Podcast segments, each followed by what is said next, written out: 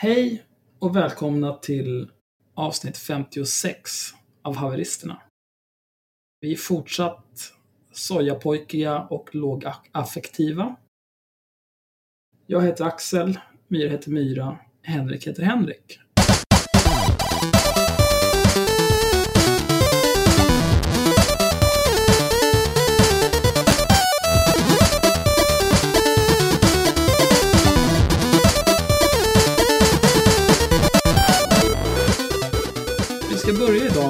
Lite om den kritik vi har fått för vårt senaste avsnitt om Linnea Claesson. Inte helt oväntat så är det ett eh, relativt poppis avsnitt. I eh, poddande stund så har det drygt eh, 9000 spelningar på 5-6 dagar. Idag är det torsdag den 3 oktober. Någonting jag har sett Eh, bland annat på bloggbevakning som har skrivit någon typ av post om det här haveriet. Mm. Folk är lite kränkta över eh, att Linnea Claesson inte har fått en chans att försvara sig. Och att vi inte har erbjudit henne en chans att bemöta de här hemska anklagelserna vi kommer med.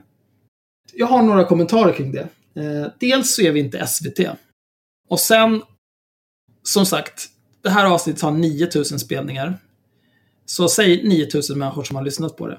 Linnea Claesson har bortåt 200 000 följare på Instagram. Om hon på något vis vill bemöta det här, då har hon en plattform som är mer än 20 gånger större än vår att göra det på.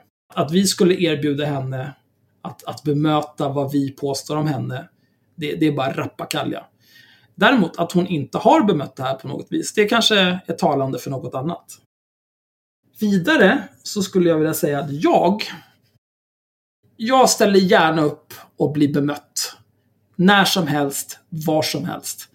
Om du eh, har läst någonting jag har skrivit på internet de senaste 20 åren om dig och du blev kränkt, eller jag har sagt någonting om dig i den här podden och du har blivit kränkt, då föreslår jag att du gör så här. Ha lite framförhållning, hör av dig till mig, berätta var och när jag ska vara någonstans så att du kan bemöta vad jag har sagt om dig. Eller om du vill vara med i den här podden, eller om jag ska vara med i din podd, eller din YouTube-kanal, whatever.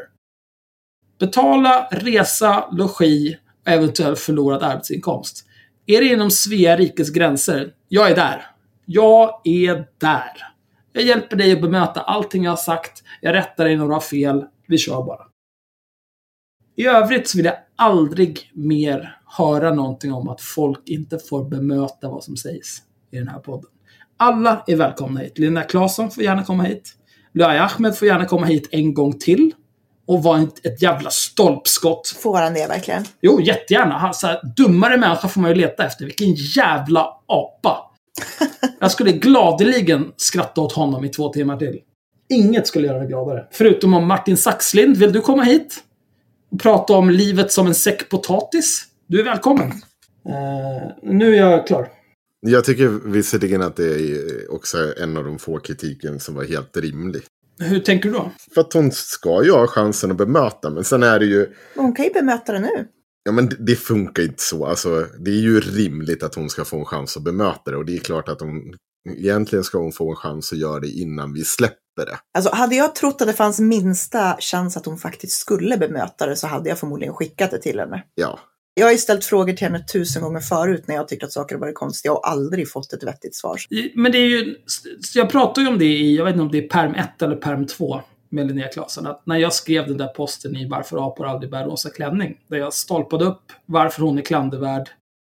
Eh, med länkar och hela skiten. Jag taggade henne. Så att hon skulle, jag skulle vara säker på att hon skulle se det om hon hade någonting att säga om det. Mm. Det som hände då var ju att hon skrev någon jävla hittepå-post om att jag, Johannes Klinell, någon till och nazister spred lögner om henne.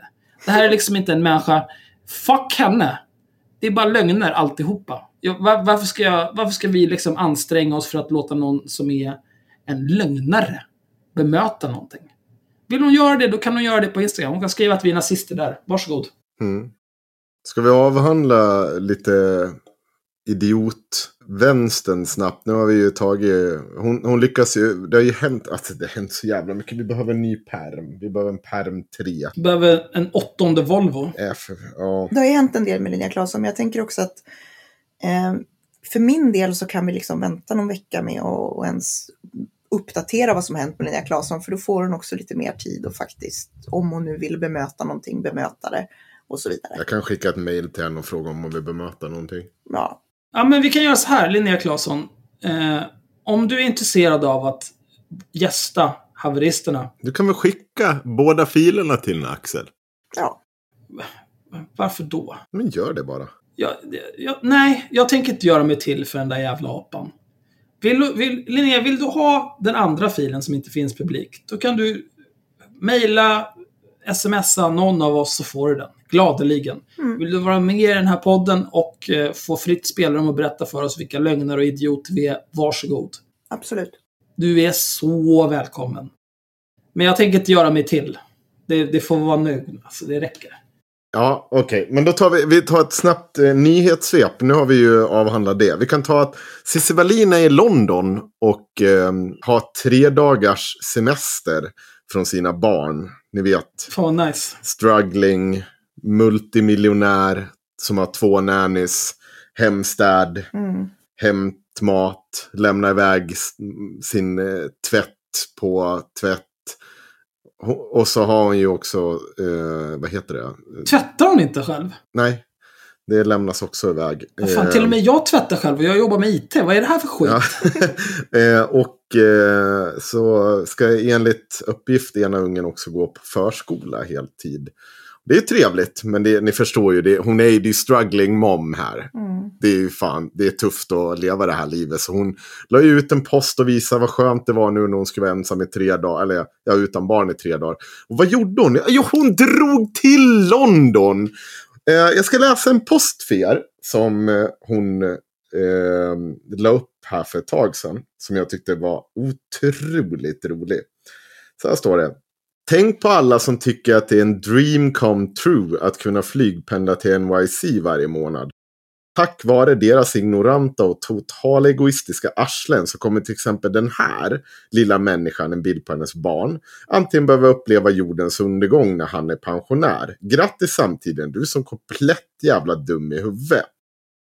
Det är inte det enda hon har skrivit. Hon har skrivit lite annat om också hur barnen eh, kommer dö av att vi är ute och flyger. Hon var också klimatstrejkade för en vecka sedan.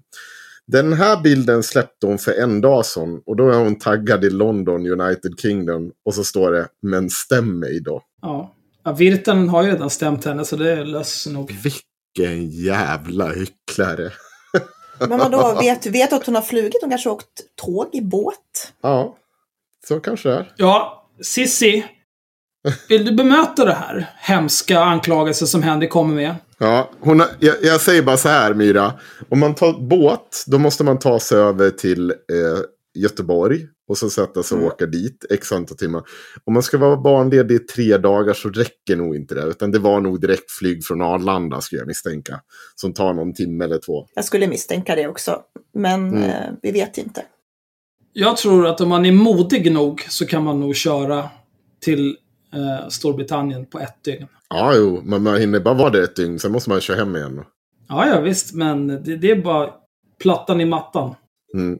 För övrigt, jag vill bara kommentera. Folk som skriver NYC, eller säger NYC, det är Mm. folk som också säger LA istället för Los Angeles. Mm. Och sådana människor gör sig bättre som gödsel.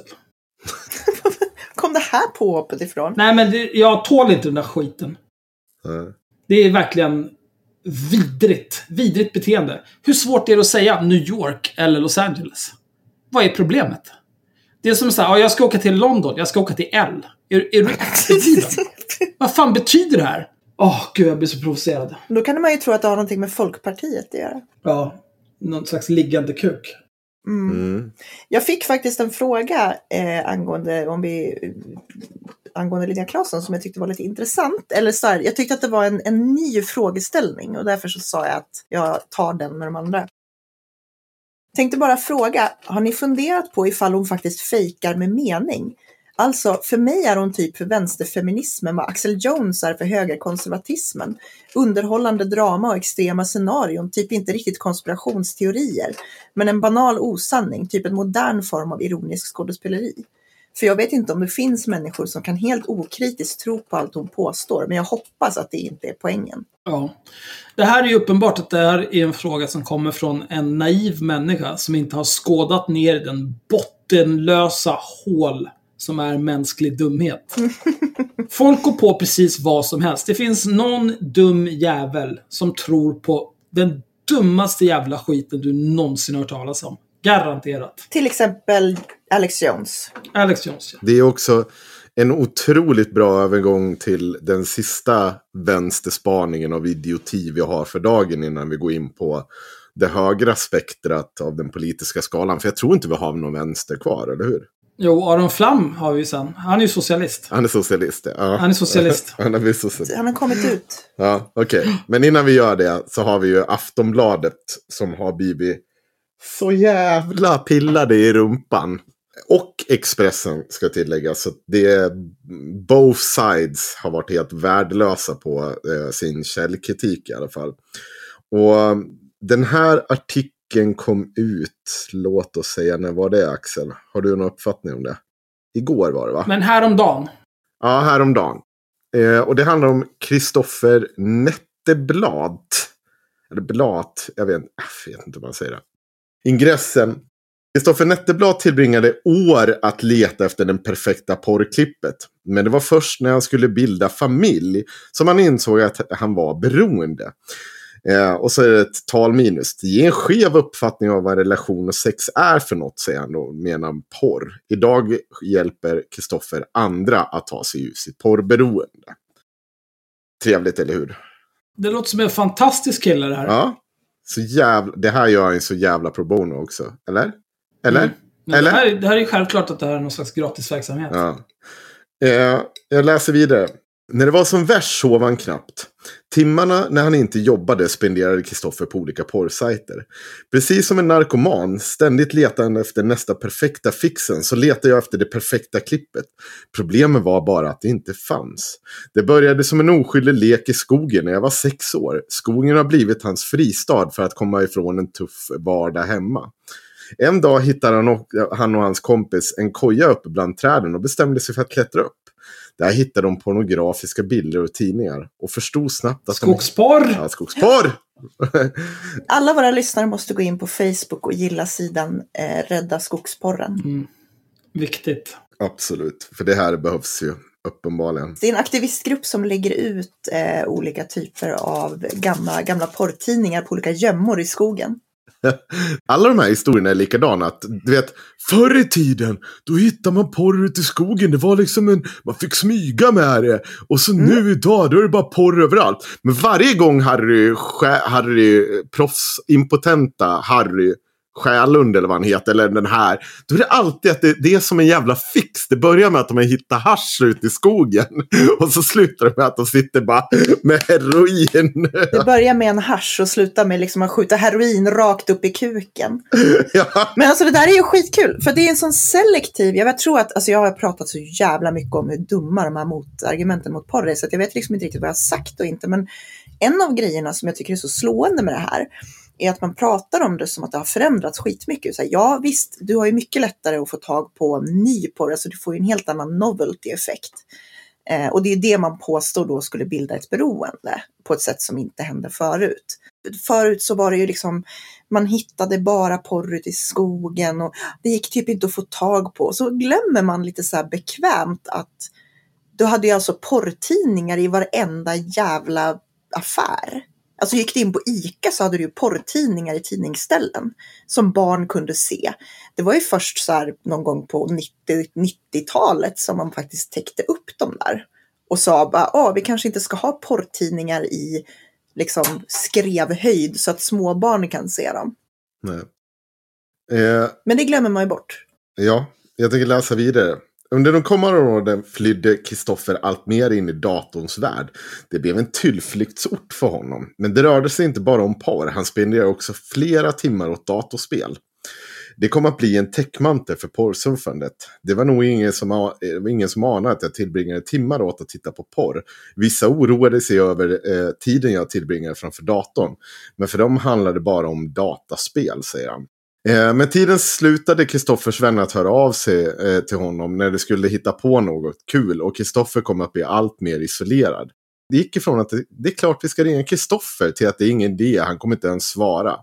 Vid det här laget hade 20 år gått sedan Kristoffer hittade den där kopi- kojan i skogen. Men det var inte förrän han skulle bli pappa för första gången han insåg att han hade ett beroende. Ursäkta, nu sitter jag och rapar för att jag sitter och dricker öl samtidigt. Jag gav ett löfte till min ofödda dotter eh, att, när hon skulle komma till eh, att när hon skulle komma till världen så skulle jag sluta med porrsurfandet. Men när hon väl var här och jag ännu inte lyckats slå mig fri förstod jag att jag behövde skaffa hjälp. Kristoffer sökte upp en beroendecoach för att få hjälp med att sluta. Och precis med vilket beroende som helst började han känna abstinens i form av rastlöshet och sömnsvårigheter. Jag har rökt och varit en notorisk snusare i nästan 17 år och jag kände igen känslorna. Det gick bara inte att sluta. Porren var som en drog för ögonen. Idag har Kristoffer lyckats bryta sitt beroende. Porren har ingen plats i hans liv alls längre och numera hjälper han andra i egenskap av beroendecoach. Faran med porrberoende är att det ger en skev uppfattning av vad relationer och sex är för något. Att vara beroende av porr menar Kristoffer är inget som många, eh, som många själva vet om att det är. I Sverige är medvetenheten om porrberoende inte lika utbrett som i andra länder. Vi vet att man ska se upp med alkohol och, eller droger, men inte att porren kan skapa ett beroende. Vi har, vi har inte kommit lika långt i Sverige, men det finns hjälp att få även här. Ja, Mm. låter det bra? Mm, jag skrev ju senast i april om det här. Mm. Eh, Det var ju när eh, Nyhetsmorgon lät eh, Harry Skärlund prata om sitt porrberoende. Ehm, och då skrev jag en ganska lång text om det här och gick igenom forskningsläget och allt sånt där. Mm. Så att jag vet inte, alltså att man säger att det här är inte lika stort som i USA, det stämmer ju. Men det är också därför att hela den här antiporrrörelsen i USA eh, är så enormt stor därför att det finansieras och drivs framåt av eh, jätte, alltså mormoner och scientologer och annan frikyrklig verksamhet i ganska stor utsträckning. Och vad jag har sett hittills så är det ganska likt i Sverige.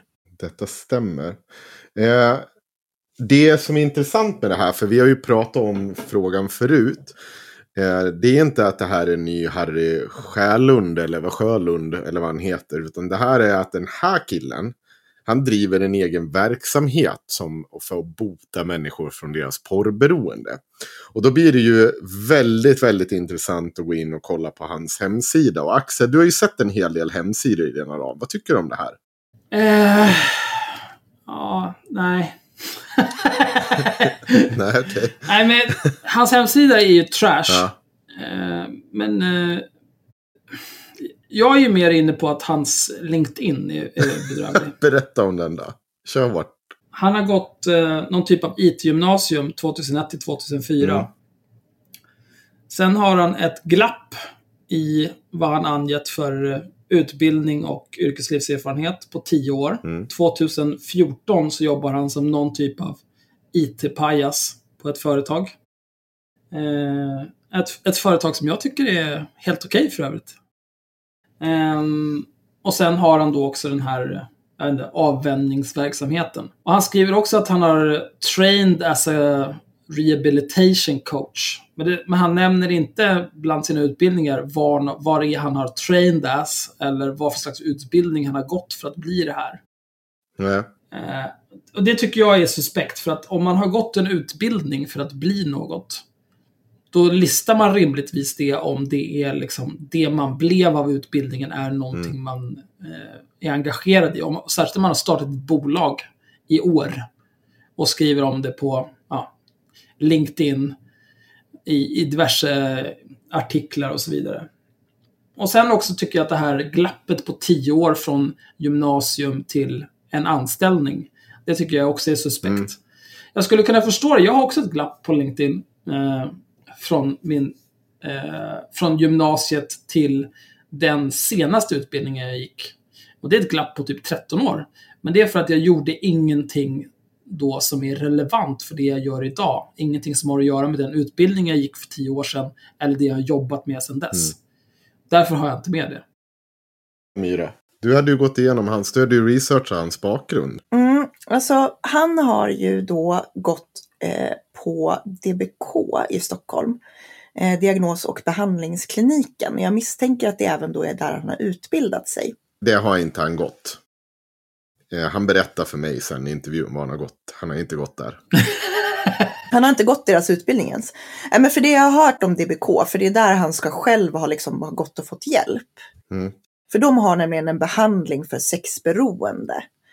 Eh, och eh, jag har ju frågat runt lite grann. Dels så frågar jag en eh, person som jag känner som är eh, sexterapeut, utbildad, märk väl, sexolog. Sexologutbildningen är alltså du ska först ha läst till sjuksköterska, psykolog eller socionom och sen så läser du, jag tror att det är två år till, till sexolog. Så det är ganska många års utbildning för att bli sexolog. Till skillnad från sexberoende terapeut. Katarina Janouch är väl sexolog? Nej, Nej. hon är bara sexrådgivare. Hon är ingen sexologutbildning. Ja, typiskt. Men den här eh, personen som jag har frågat om det här eh, har, jobbar som terapeut med sexfrågor.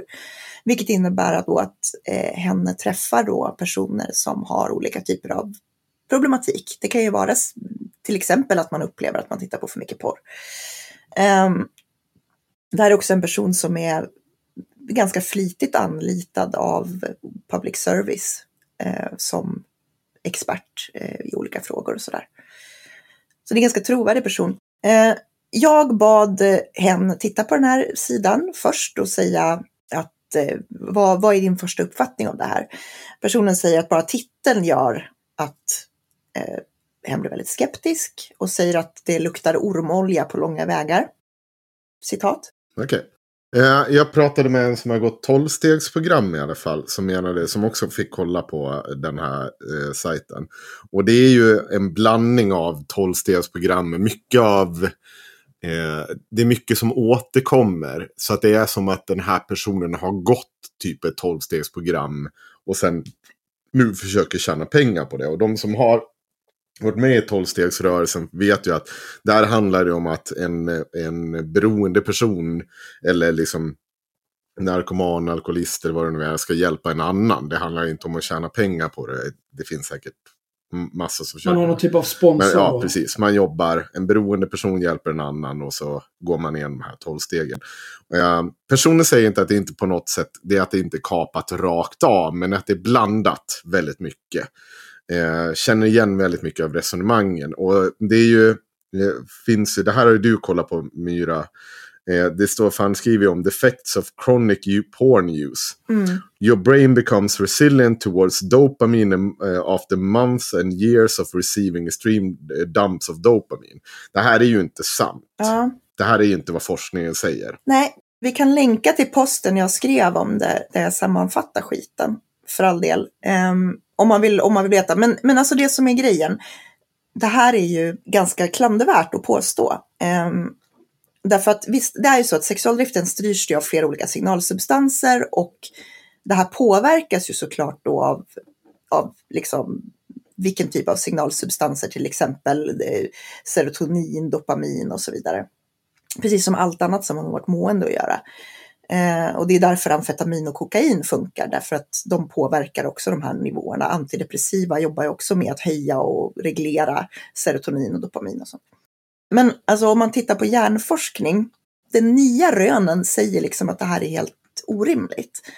Eh, det finns till exempel en studie från, eh, som Kanada eh, beställde, där citatet är Uh, anti-porn advocates place emphasis on evidence of increased brain dopamine release in response to SEM, alltså sexually explicit material tror jag att det är. Mm.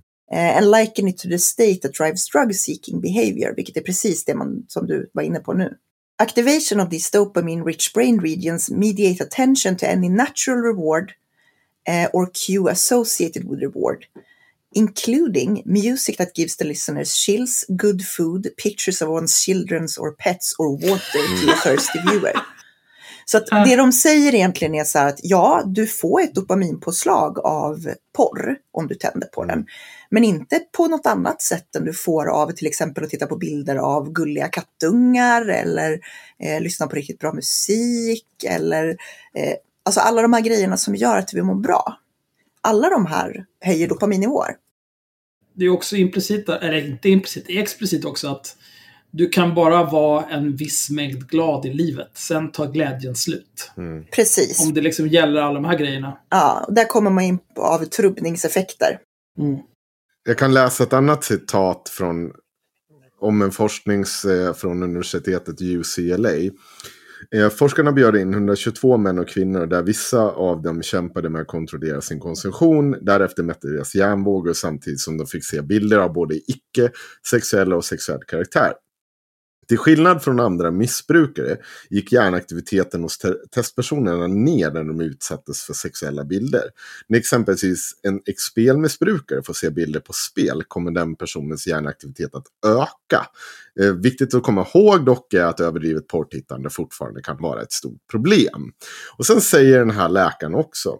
Läkaren Nicole Pross som ligger bakom studien menar att epitetet missbruk därför kan leda till felaktiga behandlingsformer. Många påstår att de kan behandla sex och porrmissbruk men har inga faktiska bevis för att deras vård fungerar, säger hon till Huffington Post. Nej. Och det kommer vi komma in på nu. För det är just det här Aftonbladet och Expressen har ju uppenbart blivit solovårade. Eh, Ja, fast Henrik, nu är ju inte Aftonbladet och Expressen här och kan försvara sig. Så att du kanske inte ska nämna dem vid namn. Ja. Mm. För att det, det är sjukt att vi ska sitta här. Jag ska sitta här med en whisky i hand, en öl där. Och ska jag rätta Aftonbladet och Expressen, våra största kvällstidningar i Sverige. Alltså, är, det, är, det på det här, är det så här det ska vara? Är det så? Är det så? Är det så? Är det så? Är det så? Är det så? Jag har ju till exempel på när Expressen har gjort exakt samma sak. Men eh, jag kan ta det sen. Ja, eh, det är så här att eh, nu säger jag vi egentligen. Förlåt, jag tar tillbaka. Det var fult av mig. För det här har vi gjort tillsammans och med våra följare som hjälpte till med att börja gräva det här. Så ni ska ha big shout-out. Eh, hur som haver. Det som händer är alltså, det är ganska obvious att den här karln har sänt ut ett pressmeddelande och två tidningar norpar på det, både Aftonbladet och Expressen. Skriver en ganska likvärdig artikel, lägger det bakom plus-content, går säkert med i någon slags tidning, känner att de kan tjäna lite pengar på det. Jag däremot, eh, tillsammans med mina vänner på Haveristerna, vi testade ju helt enkelt att eh, ringa upp den här snubben och se vad det är för någonting. Så jag tänkte att vi ska spela upp det för er nu. Är ni med? Jag och Myra har inte hört det här tidigare. Nej, okej. Så att ni, ni får färska reaktioner. Mm. Mustiga, färska reaktioner. Mm. Då kör vi. Eh, kan, jag råkade trycka bort för mina hundar fick tokspel där i slutet. Så några minuter av hur han påstår att porr är som knark försvinner. Eller några minuter, typ 30 sekunder. Men jag tror att ni kommer get the gifs of it. Kör vi! Henrik. Johansson heter jag. Du, jag jobbar som frilansjournalist. Och jag läste... Kan jag bara, det där, det funkar alltid. Framförallt på folk som är mediakåta. Mm. Ja, jag är journalist. Jag är frilansjournalist. Jag körde alltid den där när jag ringde till SD-politiker också. För man vill inte säga jag ringer från IRM, för då vill de inte prata med en. Den här artikeln i Aftonbladet igår med dig. Ja. Ja, spännande. Eh, du, har du tid för att alltså, bara svara på några frågor? Jag har inte riktigt bestämt mig om det här kan tänkas bli en artikel. Men jag är bara lite nyfiken på eh, ja, men det du pratar om i artikeln. Och så vidare. Fan vad äcklig alltså. Ja, men absolut. Vi kan köra lite. Det går Ja, bra. men nice. Du, eh, du började med att berätta om ditt, alltså ditt eget porrberoende. Hur länge på, pågick det här? Ja, som, som ovana otyg eller vad jag ska säga så ända från tidiga tonår, 12, 12 år och framåt. Då. Men som, som, ett, som ett beroende i 12 år. Mm. Eh, absolut. Okej. Var det här, eh, för du sa ju också att du, jag såg också att du hade ett spelberoende. Kom de här två samtidigt eller var det ena före det andra? Mm. Eh, jag skulle säga att det, det, det har blommat ut samtidigt. Oj, det hade han inte Eh, tänkt ut innan eller? Jag, Nej, för det här är lite oklart vad han menar. Eh, Jag vill bara tillägga att i, i artikeln, då pratar han om att spela datorspel. I sin egen grej om sig själv, då helt plötsligt handlar det om vad jag fattar det som, alltså att han spelar... Spela bort pengar.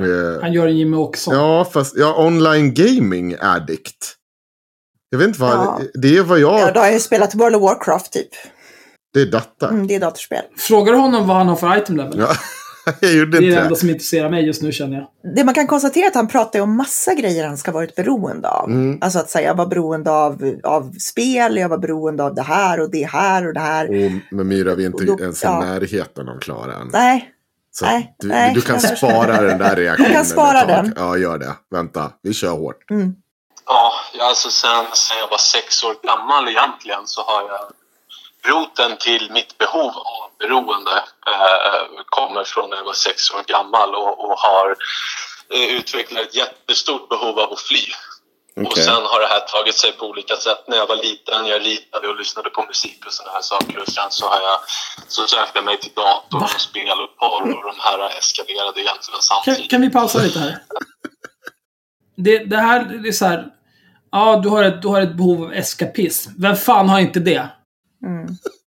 det? Det är inte en slump att jag jobbar en hel arbetsdag, kommer hem och spelar World of Warcraft tills jag ska gå och lägga mig. Din jävla sopa. Och så här, jag lyssnar på musik. Vad är det för skit? Vem fan lyssnar inte på musik? Nej, det- men det här är, det här är Kristoffer Netteblatt. Ritar också. Ritade, ja det låter ju otroligt. det Ja. Det, är ju, det är nästan samma sak som att skjuta heroin rätt upp i Ja, pungen. ja, nu kommer det. Mm. Hur länge hade du varit fri från porr nu? Nu är det sedan fyra år. Sen fyra år. Okej. Hur kom det sig? Alltså hur blev du fri? Eh, det, ja, det, vi, viljan och drivet eh, kom när jag träffade min nuvarande fru. Ehm, jag insåg inte riktigt då att jag var beroende, för jag hade inte riktigt sådär som det är. Man, man tror sig kunna sluta när man vill, för man har inte riktigt provat. Men när jag träffade henne så insåg jag att jag vill ju, jag vill ju sluta. Jag förstod inte att det var ett beroende, men jag förstod att det var någonting som kommer kunna vara i vägen för vår relation och försökte sluta och misslyckades och så vidare. Hon, hon, så, hon såg, hon upptäckte min ovana och jag försökte tillsammans komma ur det här. Men när jag då hade um, um, när våran dotter kom och jag då hade misslyckats med att bli fri från det här tills dagen då hon kom, vilket var mitt slutgiltiga löfte egentligen, då öppnade, då, då öppnade jag sinnet för att söka hjälp och få hjälp. Får jag bara säga så här. Vid det här laget, då sitter jag och tänker. Du har blivit påkommen med att runka framför porr. Och du har liksom gjort världens mest avancerade undanflykt. Det är liksom. Nej men älskling. Jag är beroende av det här. Jag måste söka hjälp. Sen helt plötsligt ska jag bli livstidscoach. Eh, och nu står jag här i Aftonbladet med ett pressmeddelande och vet inte vad jag håller på med. Du vet den här hunden som sitter framför datorn. Alltså gud vad skämmigt. Så I have no clue. I have no clue vad jag gör nu. Ja, men tänk vad skämmigt att så här, istället för att bara oj, du kom på mig när jag satt och runkade till bajsporr. Det här var ju pinsamt älskling. Istället så blir du mannen som ger porrberoende ett ansikte i Aftonbladet.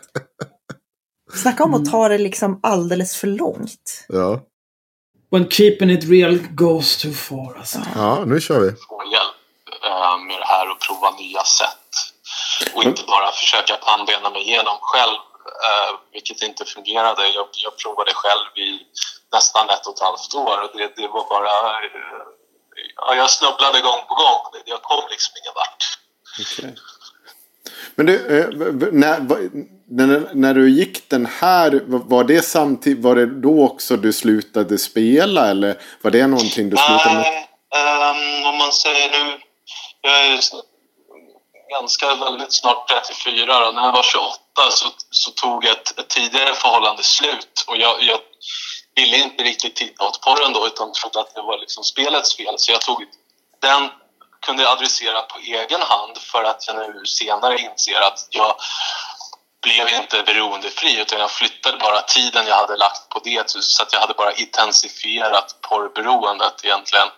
Utan eh, ja, för att bli porrfri, eller beroendefri så var jag tvungen att ta tag i det också. Så spelfri har jag varit nu i eh, sex år och fyra år utan porr eller något. Men spelfri, det, var det, det fick du ingen hjälp utan det du slutade spela Cold Turkey så att säga. Ja, precis. Men i och med att jag inte gjorde det på ett korrekt sätt. Hade jag inte haft porren och lägga tiden på så hade jag, jag hade kanske eskalerat mitt drickande eller trackat mig till andra typer av dopaminkickar. För jag hade inte Men kan- det här kan vi- beteendet att försöka dämpa. Okej, så han... Om vi är överens om att det han menar med online gaming är att spela vidja. Mm. Eh, så han slutade spela vidja och han påstår att han var beroende av att spela vidja. Mm.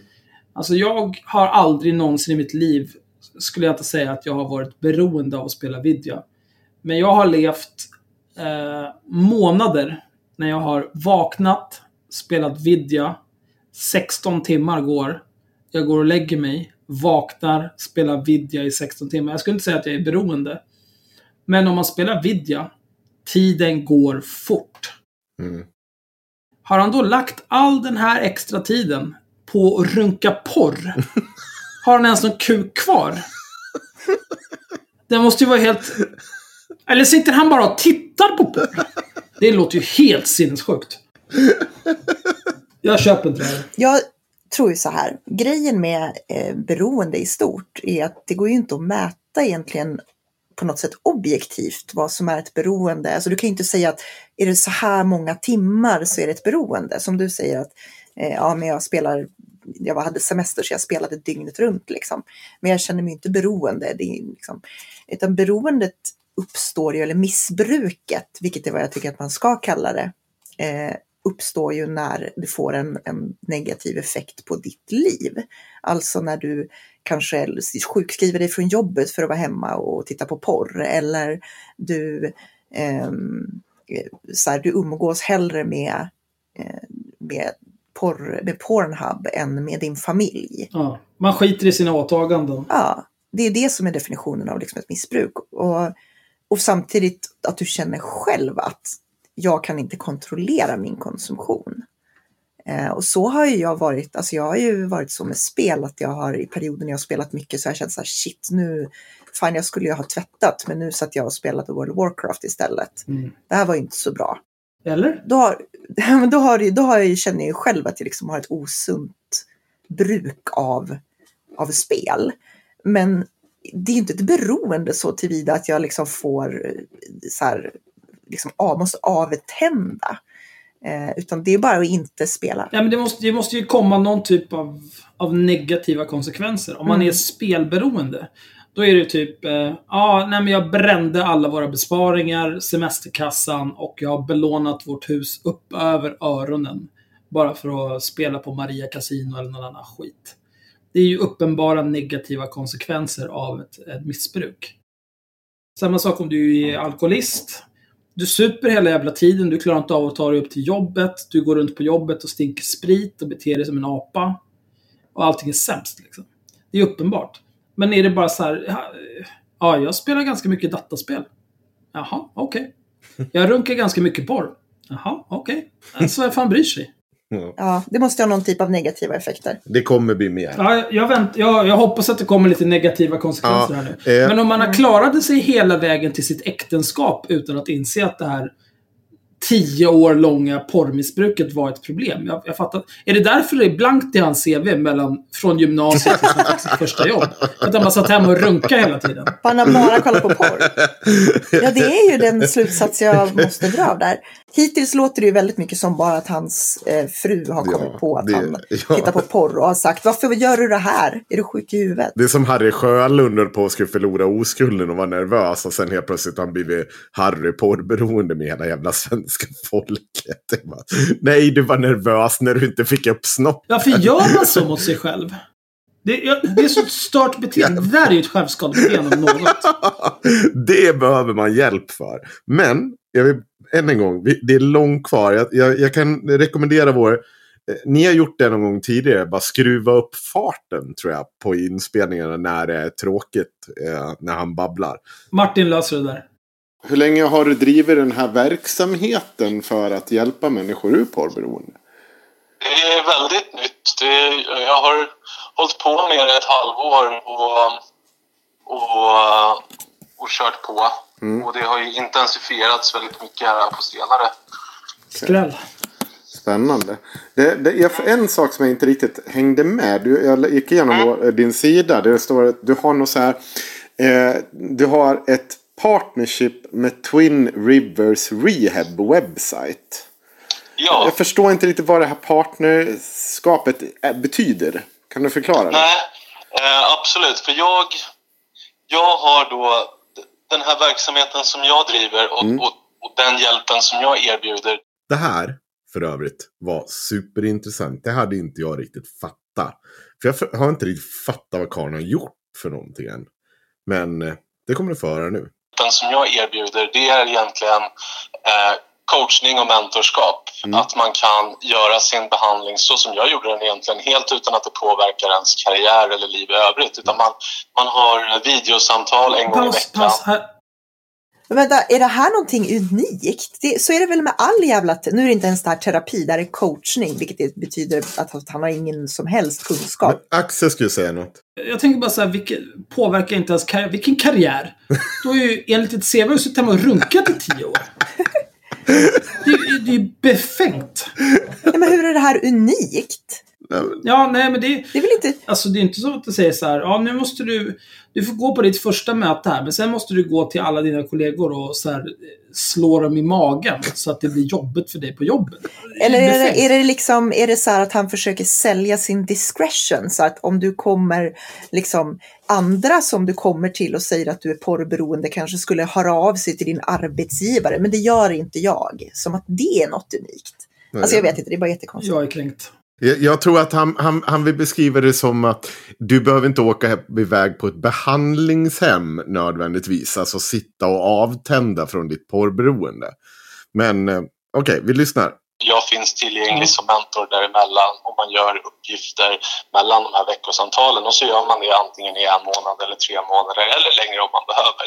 Så jag erbjuder någonstans eh, distanscoachning och mentorskap så att man kan göra det här samtidigt som man driver på sitt liv. Ehm, och det då Twin Rivers och ehm, deras ägare David gör, det är att de har ett, ett stort rehabcenter egentligen som, som ett stort eh, drogcenter där du kan komma och det, det blir egentligen som en hel paus i sitt liv och det kan man göra i 6, 8 eller 12 veckor. Så att där, Men är eh, det här i att- Sverige eller? Nej, utan de, de har sin verksamhet i Plettenberg Bay i Sydafrika. Gud vad jag är sugen på att följa med den här jävla dåren över halva jordklotet till Sydafrika. Oj vad jag känner för det. Men, men ska man åka dit? Ja, ah, det, det är det här samarbetet. Vi lyssnar vidare. Så det vi erbjuder tillsammans, partnerskap, är att de driver det helt separat själv. Så de har ett beroendecenter och jag har en beroendecoachning. Men det vi erbjuder tillsammans, det är att man då kan, ehm, ja, man kan pausa sitt liv. Man, man, eh, man börjar med att eh, få initial hjälp av mig att sätta upp en, en krisplan. eh, som man har med sig. Pa, ett, vadå? Det, det är ingenting som påverkar ens karriär, men man pausar sitt liv. Eller? Ja. Har jag missuppfattat något här? Nej, alltså det han säger är att hans hjälp behöver inte påverka ditt liv, men om man är så jävla porrberoende att man inte klarar av att lösa det problemet hemma, Då ska man åka till Sydafrika. då ska du åka till Sydafrika och betala hutlösa mängder pengar misstänker jag, men vi kanske kommer till det också. Ja, ja, nej, men vi, ja, vi kommer, men ja, det, han har ju lite olika typ. Han har guld, silver och platina medlemskap som då ger olika. Och, i, och jag kan bara säga silver. You will be picked up at your home by a taxi and driven to the airport. All transports in South Africa and collection at the airport on your return home is also included. Kostar det då? Ja, det står inte. Det kommer vi komma till också. Nej. Ja, Det där. mm. Folk som inte skriver ut vad saker och ting kostar. det, Hästskojare. Dra åt helvete. det är ormolja som Myra sa. Ja, det är bara skit. Ja. Berätta, om du säljer någonting och det har något värde, då vet du också vad det är värt. Berätta för mig vad du vill ha betalt, annars kan du dra åt helvete. Vi, vi kommer. Vi kommer dit. Ja, alltså de allra, det kan jag ju säga, de brukar ju ha en timtaxa. Alla vettiga terapeuter jag någonsin har sett, även privata, har ju en timtaxa. Mm. Eh, och därför så brukar man, visst man kan inte säga så här en totalsumma för en behandling eftersom alla kommer behöva olika antal timmar. Men däremot så ska du ju ha en taxa för hur mycket varje timme kostar. Det han skulle kunna ha, det är ju så här, ja men vi degar din transport fram och tillbaka hela vägen. Det ingår. Och du får så här många timmar med en kvalificerad bla bla. Mm. Det skulle jag kunna köpa. Och det kostar så här mycket. Men får man inte veta vad det kostar, pass. Mhm. Ja, men vi kör vidare. Skulle, skulle du säga att porr och alkohol eh, och drogberoende är ungefär samma sak eller? Vänta, vänta, vänta. vänta. Det, det skiljer ju sig på, på många olika sätt, men det är väldigt lika på andra. Ett, Mm. eh, till exempel, sub- eh, det finns ju två typer av eh, beroende. Du har ju substansberoende när man, när man intar någonting, alkohol Mm. eller piller eller läkemedel eller droger och så där. Så har du då beteendeberoende där man eh, mer tvångsmässigt upprepar ett beteende som eh, porr eller sex eller ett online-spel eller det mer klassiska liksom att, att tvångsmässigt spela på hästar och kasinon och, och dribbla bort sina pengar. Mm. Det som är genomgående lika för alla beroenden det är hur de lurar hjärnan. Det, det, eh, det sätter ens naturliga belöningssystem i, eh, ur spel egentligen. Mm. För att man Stämmer det där Myra? Myra? Nej, det stämmer inte. Alltså förlåt, men jag blir så jävla trött. Alltså det är så här. Det var ju precis där jag var inne på att eh, om det var så så skulle man ju alltså, det skulle ju funka så med precis all kultur. All musik du tycker är bra som du lyssnar på skulle du bli avtrubbad för. Mm. Det skulle vara så här, ja, ja men nu, nu har jag hört, eh, det fan vet jag. Shake it off. Ja, nu har jag hört Shake It Off med Taylor Swift tio gånger. Eh, så att nu får inte jag en kick av den längre. Fy fan alltså. Nu måste jag lyssna på någonting mycket, mycket, mycket värre.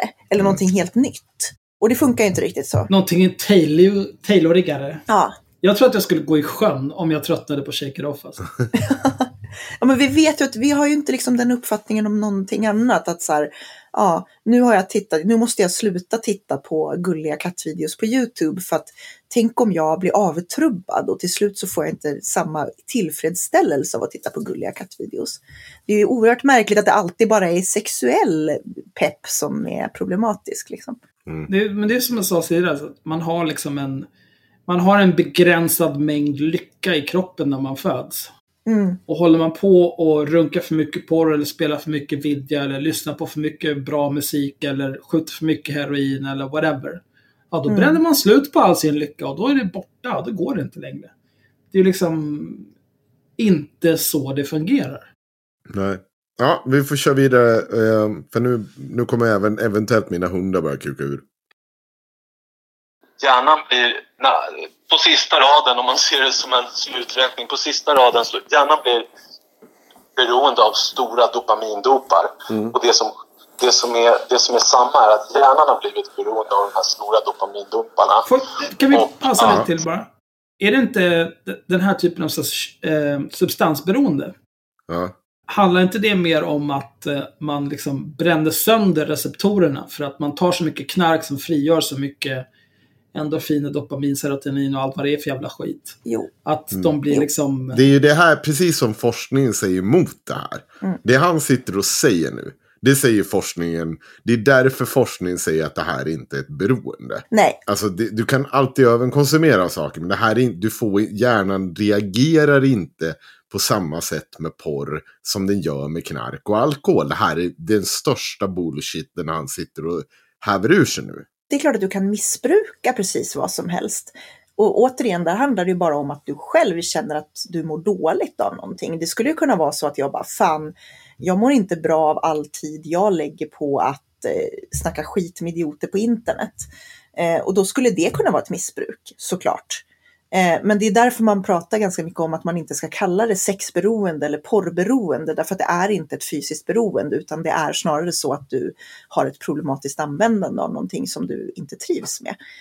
Eh, ganska ofta kan det ju vara så att det här känns problematiskt för dig därför att du eh, att det omgärdas av skuldkänslor eller skam eller sådär. I det här fallet, eh, nu spekulerar jag såklart, men alltså det skulle kunna vara, om vi tar honom som utgångspunkt, att han kanske inte har sett sitt eh, porrtittande som ett problem eh, förrän han träffar någon som blir väldigt chockad av det och tycker att alltså, är det helt sjuk, du måste ju vara sjuk i huvudet som gör det här och då blir det plötsligt ett problem. Mm. Så tänker jag. Han sitter hemma och runkar tio år i sträck. Så träffar han en tjej. Hon bara, jaha, du, du sitter bara hemma och runkar hela dagarna. All din vakna tid. Det är lite, lite weird. Han kanske var skitnöjd innan dess. Och så blir det problem. Ja. Men eh, jag tänkte eh, angående vad som är ett missbruk eller inte. Eh, måste man själv känna att jag mår inte dåligt av, eller jag mår dåligt av det här och det här är inte bra för mig. Räcker det inte att eh, man, att omgivningen tycker det? Att så här, man, Jo, man dyker inte upp på avdalade tider och så vidare. Men själv så mår man toppen. jo, men såklart kan det vara så. Oftast är det väl så att eh, när du börjar ha den typen av inverkan på ditt liv så är det ju negativt för dig. Sen kan du ju leva i total förnekelse liksom. Mm. Såklart. Det är ju inte helt ovanligt att man bara, nej men jag hanterar det här skitbra. Jag glömde bara barnen på ICA-parkeringen fyra gånger förra veckan. Det är ingenting. Precis, ja, men det var det. Jag hade ju kunnat, jag hade ju kunnat slå dem liksom. Eh, det finns ju alltid sådana som Ja, ja, visst.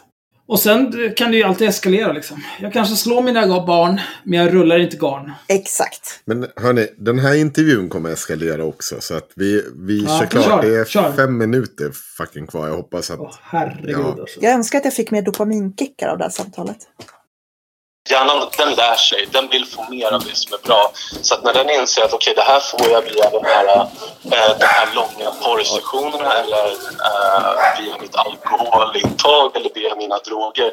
Så att hjärnan blir, den blir beroende av de här stora eh, dopamindumparna. Då, så att man, man eh, sätter sitt naturliga eh, belöningssystem på spel. Då. Och, och de här Så, ska vi ta nästa direkt? Därför att hjärnan... Det vart ett litet glapp där och det, han, han fortsätter resonera kring att dopaminsystemet, eh, att du blir mer och mer beroende av porr. Just kring det där eh, med dopaminsystemet, jag vet inte. Nu, nu har jag inte... Jag har inte skjutit heroin i pungen. Eh, jag har aldrig tagit kokain eller ecstasy eller något så här riktigt festligt knark. Eh, men eh, jag tänker mig att, eller jag hoppas verkligen för alla jävla kolatorskar och tjackpundare där ute i världen, att det är roligare än att sitta hemma och runka ball. Mm. Och liksom, jag fattar inte. Om det där är samma liga liksom. Hur många gånger behöver jag runka på en dag för att komma upp i och, och, skjuta horse? Liksom? Vad, vad är men, jag, jag tycker inte att det är... Jag, spontant, jag, jag, jag är ingen knarkforskare eller liknande. Men spontant så känns det som att det här är saker som inte går att jämföra. Nej. Någonting som är väldigt intressant, tycker jag, om man nu ska liksom prata om hur jämförbara de är, ehm, så är det ju när man tittar på att eh, när det gäller alkohol eller heroin eller så, så vet vi ju att det här är ju liksom beroendeframkallande substanser. Alltså, så här, oavsett vem du är så kan du ju liksom skapa ett beroende med dem om du bara fortsätter ta dem så att säga. Kroppen, du blir ju fysiskt beroende av dem. Mm. Eh, Medan så här funkar det ju liksom inte alls med porr. Att om du tittar på porr varje dag så kommer du automatiskt att få ett, eh, ett vad ska man säga, problematiskt användande av den. Skulle du dricka sprit, skulle du dricka en 75 varje dag så skulle du förmodligen börja utveckla Ja. ett problematiskt, ja, det också.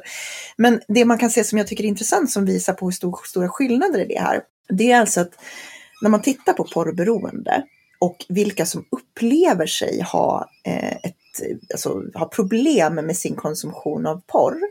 Det har mer att göra med personernas attityder till porr än någonting annat. Alltså, eh, man kunde se till exempel att eh, det var mycket, mycket vanligare hos, hos strängt religiösa att de upplevde sig ha ett porrberoende än hos sådana som inte var religiösa. Förmodligen för att de vistas i en miljö där sexualitet är mycket mer skumbe, skuldbelagt. Mm. Eh, och det säger ju någonting om att det här är liksom inte helt oberoende av yttre faktorer utan huruvida du upplever det som ett missbruk eller inte beror liksom mer på vad andra tycker om sex eller om porr runt dig. Eh, och det är därför jag bland annat tycker att det är så jävla farligt när man håller på med den här typen av skambeläggande och liksom, ja, tittar man på porr blir man våldtäktsman som, som retoriken ofta går idag. Därför att det du gör är att du skapar ett samhälle där folk börjar må dåligt av att titta på porr, fast de kanske inte skulle ha gjort det annars. Och det tycker jag är väldigt intressant. Mm. Ja, det, det är ju helt klart ett problem. Det, men det är moralismen. Ja, det är moralism. Det är vidrigt. Mm. Jag kan citera ett, en grej om det här från den här kanadensiska studien. Um, och det är så här, bara för att liksom sammanfatta det jag sa. Uh, data collected suggests that attitudes towards SEM-use, återigen då sexual explicit material, tror jag att det är, rather than the use itself may be the proximal determinant of individual health effects, at least with respect to perceived addiction. Specifically, they found that after controlling for actual levels of SEM consumption, religiosity and moral disapproval of sexually explicit material predicted whether or not an individual self identified as being addicted to SEM, as well as the degree to which they experience psychological distress and adverse mental health outcomes. The disturbing result is that men who self identify as addicted to porn or sex are more likely to be part uh, of an expansive uh, ersatz treatment programs that magnify this guilt. They may also engage in patterns of comple- Ja, vi- jag- compulsive Mira, sexual Mira, behavior. Mira, Mira. Det vill säga Ja. att de här människorna eh, tenderar att vara med i religiösa Jag var sekter. nästan klar. Om du kan få spela upp 15 minuter intervju så kan jag få dra ett citat utan att du avbryter mig. Men jag vill inte spela, spela upp Poängen med det här är alltså att det är betydligt vanligare. Alltså, det som säger, det som kommer, kommer att säga huruvida du är beroende eller inte, det har mer att göra med om folk runt dig talar om för dig att det här är fel, vilket innebär att ger du dig in på en sån här typ av eh, beroendeterapi som man håller på med, där du hela tiden får någon som upprepar för dig att det här är ett jätteproblematiskt beteende du håller på med, så är risken stor att du faktiskt förstorar eh, problematiken du har med Mm. porr. Istället för att du faktiskt mår bättre. Ja, nyckelmeningen där var väl att eh, religiosity and moralism predicts. Alltså Japp. att religi- religiositet och eh, moralism, eller moral, förutspår huruvida du är si eller så. Ja, Inte bara att det finns ett kausalt samband eller liknande, utan om du är en moralistjävel, Mm. då kommer du tro att det, det är ett superstort problem att du har runkat lite porr. Ja. ja. Så, då ska jag köra Nu vidare. kör vi! Du, en annan fråga. Vad, vad, är, vad är det för utbildning du har för att bedriva sån här coaching? Ja, det är, det är egentligen för som, eh, som en vanlig coachingutbildning och sen så är Oj. det sån här eh, eh, Vad är en vanlig coachutbildning? sån här eh, certifierad eh, ehm, eh, Oj vad det Ja, blev men, mycket M nu. Det, är för sex och porrberoende. Han har ingen utbildning, vilken jävla råtta! Men, Men eh, var har du gått den utbildningen? Eh, den har jag gått på den har jag gått på distans via ett sånt här eh, utbildningsföretag.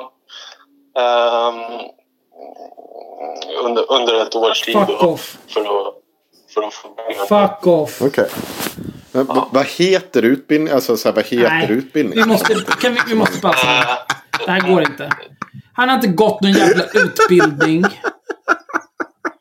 Han har köpt någon jävla postorderkurs. Mm. Det här är det sämsta jag har hört. Fråga mig vad jag har gått för utbildning. Fråga mig nu. Axel, vad har du gått för utbildning? Eh, Jag pluggade en tvåårig yrkesutbildning på KYH. Den hette IT-management, inkluderade Windows Server, Windows klient, nätverk motsvarande CCNA och så vidare och så vidare. Jag kan fortsätta. Alltså, man kan sina utbildningar som ett rinnande vatten. Ja. Ja. Mira, hur, hur mycket utbildad är du? Jag är inte utbildad mer än att jag har gått gymnasiet. Okej, bra. Bra. Henrik, vad har du för utbildning? Ja, samma här. Gymnasieutbildning så har jag gått en halvår på inom LOs interna utbildningssystem. Där jag har fått eh, några högskolepoäng. Och allt handlar om huruvida jag är ombudsman och så vidare. Men då är det en internutbildning. Vissa grejer har jag plockat direkt från högskolan. Andra är sånt som vi behöver veta inom yrkeskåren. Myra, vad gick du för högskoleprogram? Jag har inte gått något högskoleprogram. Nej, förlåt. Hög, gymnasieprogram. Jaha, jag gick eh, estet. Ja. Fan vad snabbt alla svarar. Det är som att det här är saker som har hänt i våra liv som vi snabbt kan komma på. Fan. Ha, man måste ha en backstory klar alltså. Det är så jävla Det dåligt. kommer. Ja, men det, det kommer. Ta, ta, tagga ner nu. Tagga ner nu. För det kommer nu. Men v- Vad heter utbildningen? Alltså så här, vad heter utbildningen för någonting? Som man... Eh,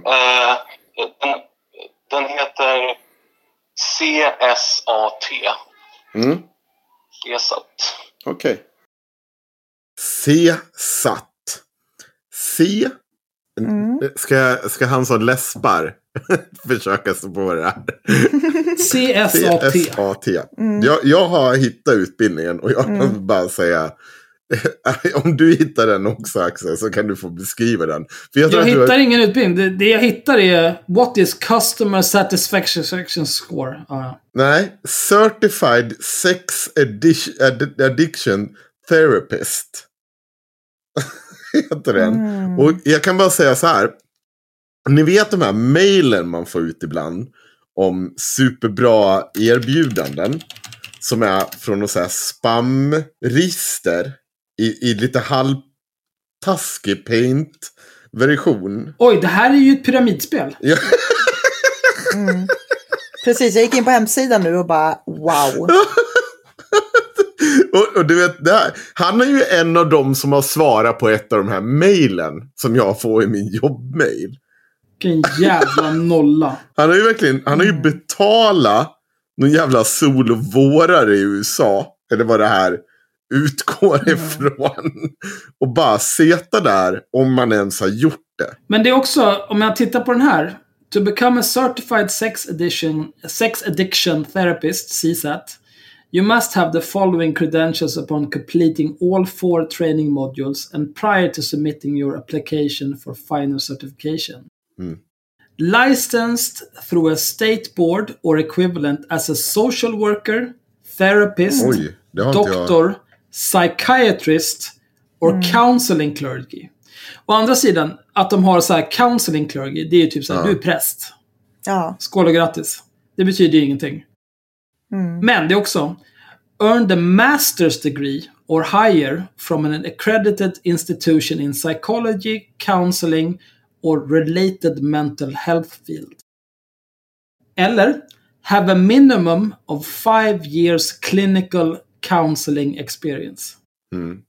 Antingen har han inte gått det här eller så bara har han gått någon annan CSAT. Han ska ju göra så här åtta timmars supervision och grejer. Han har gått två år paint-utbildning med dåliga Word-program. Nej men han sa ju att det var ett år på distans. Ja, jo, men det här är ju inte sant. Det här är ju, han har ju svarat på något bluffmail på sin jobbdator.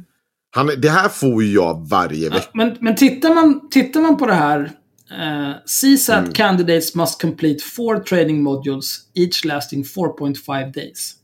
Så den här utbildningen är totalt 18 dagar. Hur fan har han dragit ut det på ett år? Hur fan klarade han intagningskraven? 24 månader eller mindre står det, så att jag antar att det är långa. Ja men ska du... Ja men 18, 18 dagar totalt på ett år. Är du efterbliven?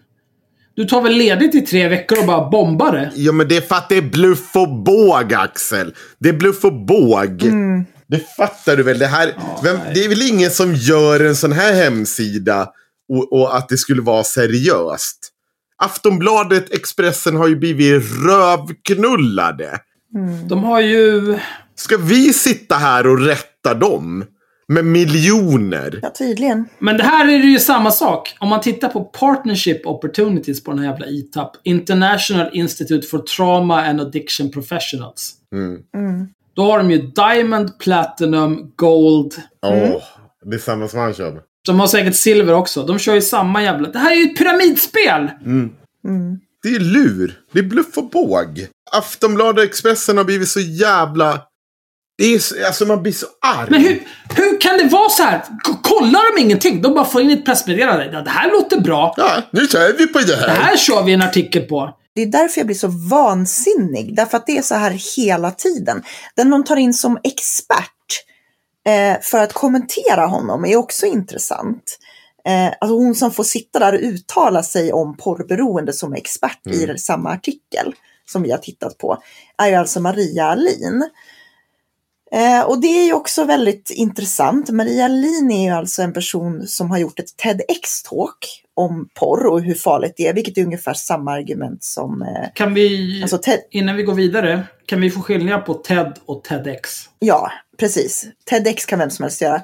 Hon har också varit inbjuden och debatterat Ron Jeremy, eller i verkligheten i P3. Oh my god, who cares? Nej, men hon har gjort en dokumentär när hon träffade honom va?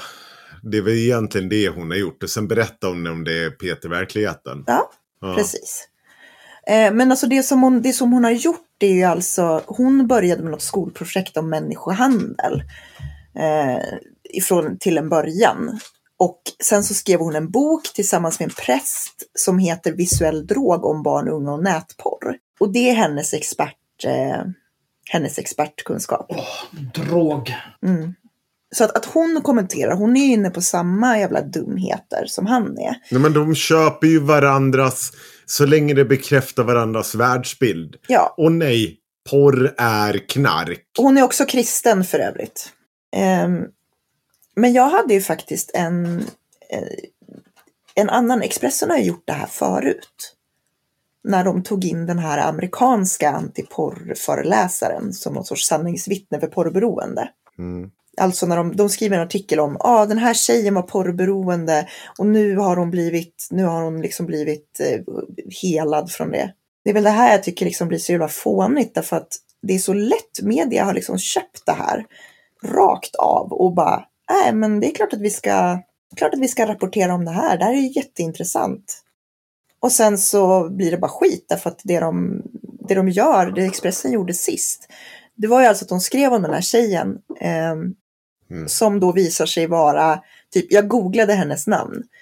Gracelyn 19 berättar om förändringen, därför blev jag beroende av porren, är Expressen-artikeln. Eh, googlar man hennes namn så får man upp en jättenyregistrerad hemsida.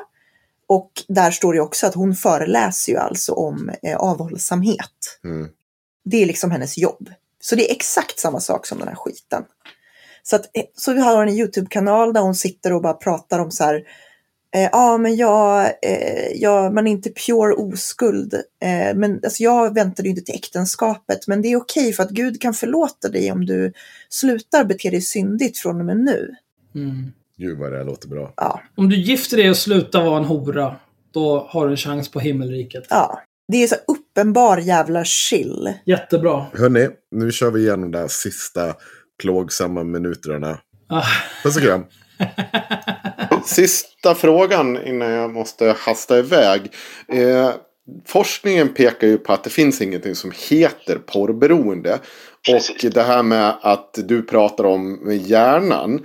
Den forskning som finns på ämnet säger ju att det absolut inte är så. Ändå så har du nu haft ett väldigt långt utlägg om att hjärnan absolut reagerar så som på substanser som på porr. Men det stämmer ju inte. Forskningen säger precis tvärt där.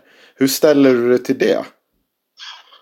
Jag ställer mig till att eh, forskningen som den ser ut, den med, eh,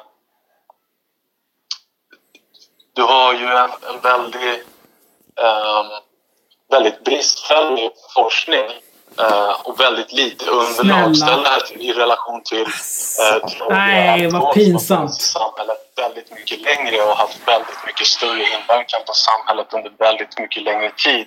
Där det finns otroligt mycket mer underlag.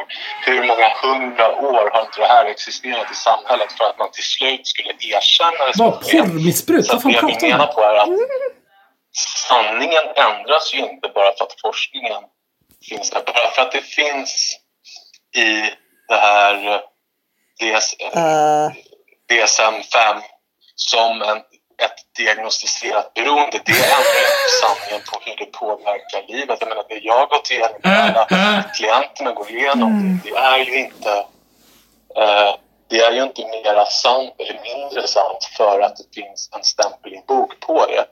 Utan vi gud, det är inte så här är forskning funkar, ditt as.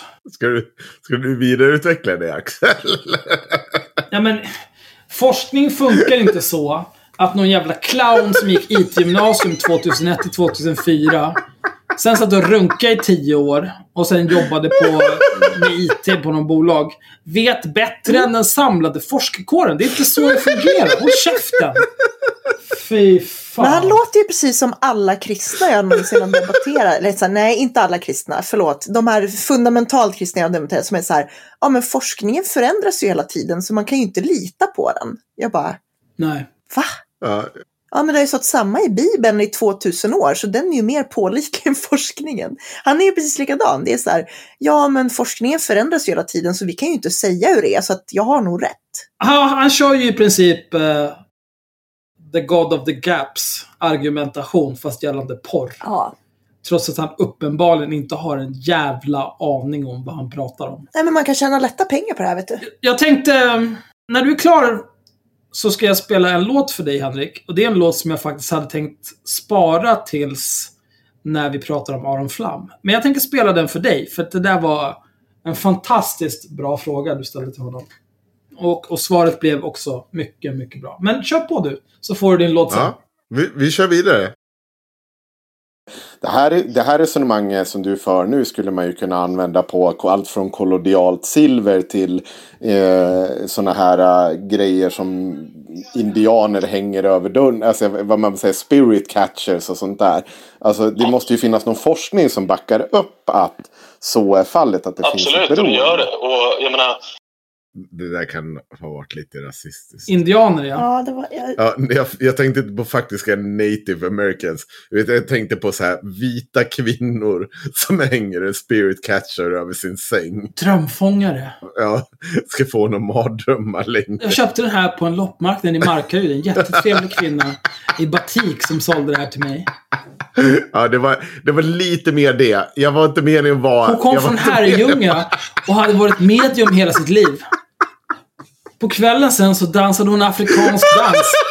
Medan hennes man spelade på trummor. Det var exakt... Vi är inte rasister. Det här är jättebra. Det är så här man beter sig. men det var rasistiskt istället. Ja, det blev rasistiskt istället. tänk. Det är tokigt när det blir så. Mm. Det var exakt det! Fy fan alltså. Exakt! Och den här skiten är jag med och spelar in i frivilligt. De här ständiga rasistiska kränkningarna. Det här är ju värre än Kronblom. Kvinnohatet. Kör... Mm. Den forskning, jag, den forskning jag tittade på Jag- jag nu vet- idag, jag innan jag ringde dig. Säger, Ja, men de pratade också om eh, att det fanns många som utgav sig för att kunna bota sånt här och ta ganska dyra pengar för det.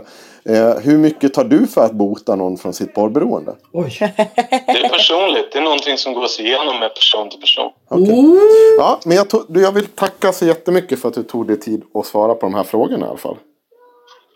Absolut. Tack, hej. Och all forskning drivs ju framåt. Ja, tack, hej. Ja, absolut. Nej, det där gjorde du bra Henrik. Nu ska du få din låt. Ja. Kommer ni ihåg den där gången när Henrik ringde till en charlatan som driver ett pyramidspel? Och charlatanen blev blown the fuck out.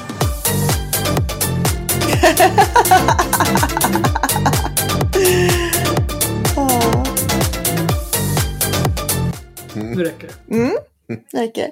Nej, men en, en, en följdfråga som jag skulle vilja eh, ställa, om han nu lyssnar på det här och vill säga någonting om det eller så, är just det här hur han ställer sig till att forskningen som han då, eh, som han nämnde, eh, faktiskt visar att den här förstärkningen av narrativet att porrbruket är problematiskt eller omoraliskt eller fel, att det faktiskt kan göra så att personen upplever ett värre porrberoende. Alltså att hans behandling skulle tekniskt sett kunna förvärra problemet eftersom problemet är beroende av att du tycker att du gör fel. Ja. Innan det här så var jag och träffade, jag, vill säga mitt fadderbarn, men hon blev kränkt sen att jag kallade henne för fadderbarn. Så jag säger en, en av mina mycket nära vänner. Mm. Hon pluggar till eh, psykolog. Vi pratade ju om just det där med eh, positiv förstärkning. Att typ eh, en eller kanske den största grundstenen inom modern psykologi är att positiv förstärkning är det som funkar bäst för att förändra beteenden. Mm. Och då prata om så här, ah, det här är så dumt och dåligt och skamfullt och så här får man inte göra. Du kan inte hålla på sitta här och runka ball hela dagarna, det går inte. Ja, fan, ge någon en kaka om de inte har runkat ballen på hela dagen. Det kommer funka. Allt det här tramset att så här, ah, allting är ett sånt jävla stort problem, allting är så jävla hemskt. Va? eh, Så liksom porrfri barndom, eh, den här jävla idioten och alla de här moralistsvinen. Mm. Vad tror de att det sänder för signaler till barn och ungdomar? Om de tittar på porr, men samtidigt... det är de som skapar den här typen av problematik. Ja, verkligen. För att om de sitter och säger så här, ja, men om du tittar på porr, då kommer du bli våldtäktsman! Mm. Det är ju inte bra. Säg istället, om du inte tittar på porr får du en kaka. Positiv Ja. förstärkning. Get with the times. Jag tycker bara det är så sorgligt. Jag tycker allting är så jävla sorgligt därför att de, det är liksom ett skapat problem.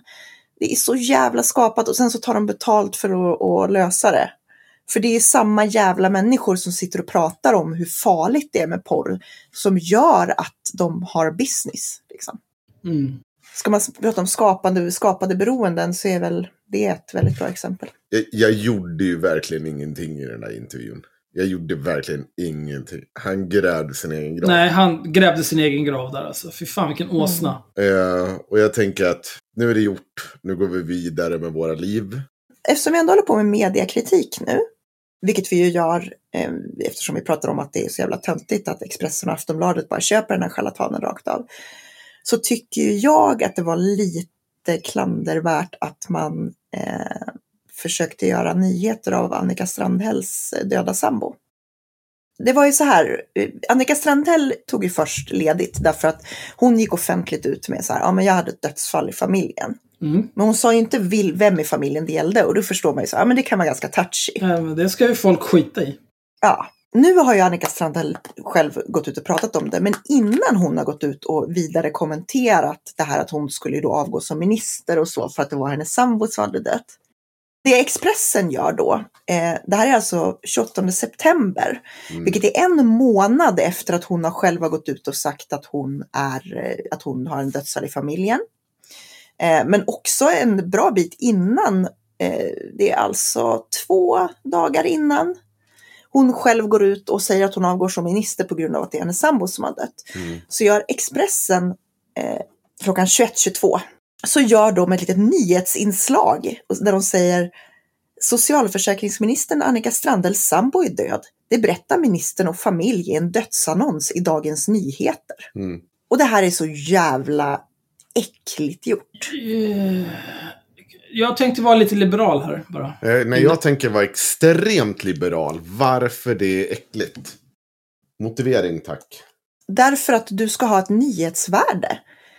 Är det, finns det ett nyhetsvärde i vem exakt i hennes familj som har dött? Ja, det kan absolut finnas ett enormt nyhetsvärde i det. Oj, så liberal hade inte jag tänkt vara. Utan att få en kommentar. Nej, men kommentaren är ju inte oavhängt där eh, på något sätt. Det är ju eh, en kommentar om, vad ska kommentaren vara? Om varför din man har dött. Eller vad är... Men vem bryr sig? Men precis, alltså vad är nyhetsvärdet? Hon har ju redan gått ut och sagt att för en månad sedan så, så alltså det, det här är en månad efter dödsfallet. Hon har gått ut då och sagt att hon har haft ett dödsfall i familjen. Mm, jag är väl medveten. Eh, att det skulle vara hennes man. Hela nyhetsvärdet ligger ju i att hon avgår Mm. som socialförsäkringsminister. Ja, och det här var innan. Inte, varför spelar ingen roll. Om, att, att det är dödsfall i familjen spelar inte någon roll egentligen. Vem det är spelar verkligen ingen roll. Det behöver inte jag veta. Det, det, det är inte viktigt för mig. Först gjorde man ju en artikel när hon tog paus från arbetet och då sa hon ju att ja, men det, jag har haft ett dödsfall i familjen. Sen går det en månad. Sen gör man en artikel som bara handlar om att de har satt in en begravningsannons där det framgår att det är hennes sambo Mm. som hade dött. Sen gör man då två dagar senare när hon går ut och säger jag kommer avgå som minister. Så gör man en artikel om det. Så det är tre helt olika. Det enda som kommer fram i den här nyheten är att de har lagt ut en begravningsannons om hennes sambo. Nej, de, det enda de säger är att det är, det är någonting man bekräftar i, i Dagens Nyheter. Det, för det första, Nej. nähä, Nej, man lägger ut en begravningsannons. Hela det här. nej, men Jo. det bekräftas av Dagens Nyheter. Det vill säga att de har lagt ut en begravningsannons i Dagens Nyheter. Så då kan äh, Aftonbladet säga att det är bekräftat. För att innan dess så har eh, man inte pratat om det med media. Det är vad som har hänt. Och det är klart att när en minister i ett vilken lands regering som helst, när den personen den är gift med dör, det finns ett nyhetsvärde i det. Det är hennes sambo, men Ja, sambo eller gift eh, sambo.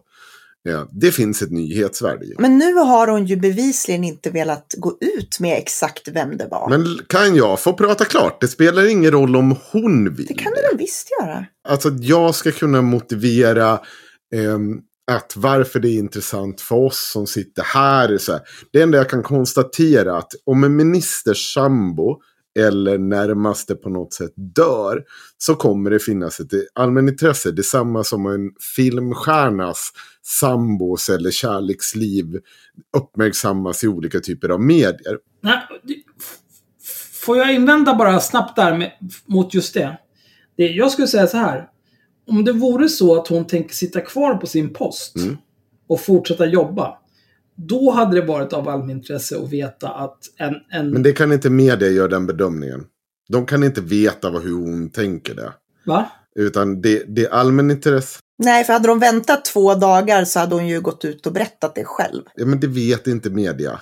Jo, men, men där... Men- Ministrar har väl pressekreterare Precis. som Och de det, det här blir ni skitlöjligt. För vi ska vara på något sätt... Kan Ja, jag få prata här?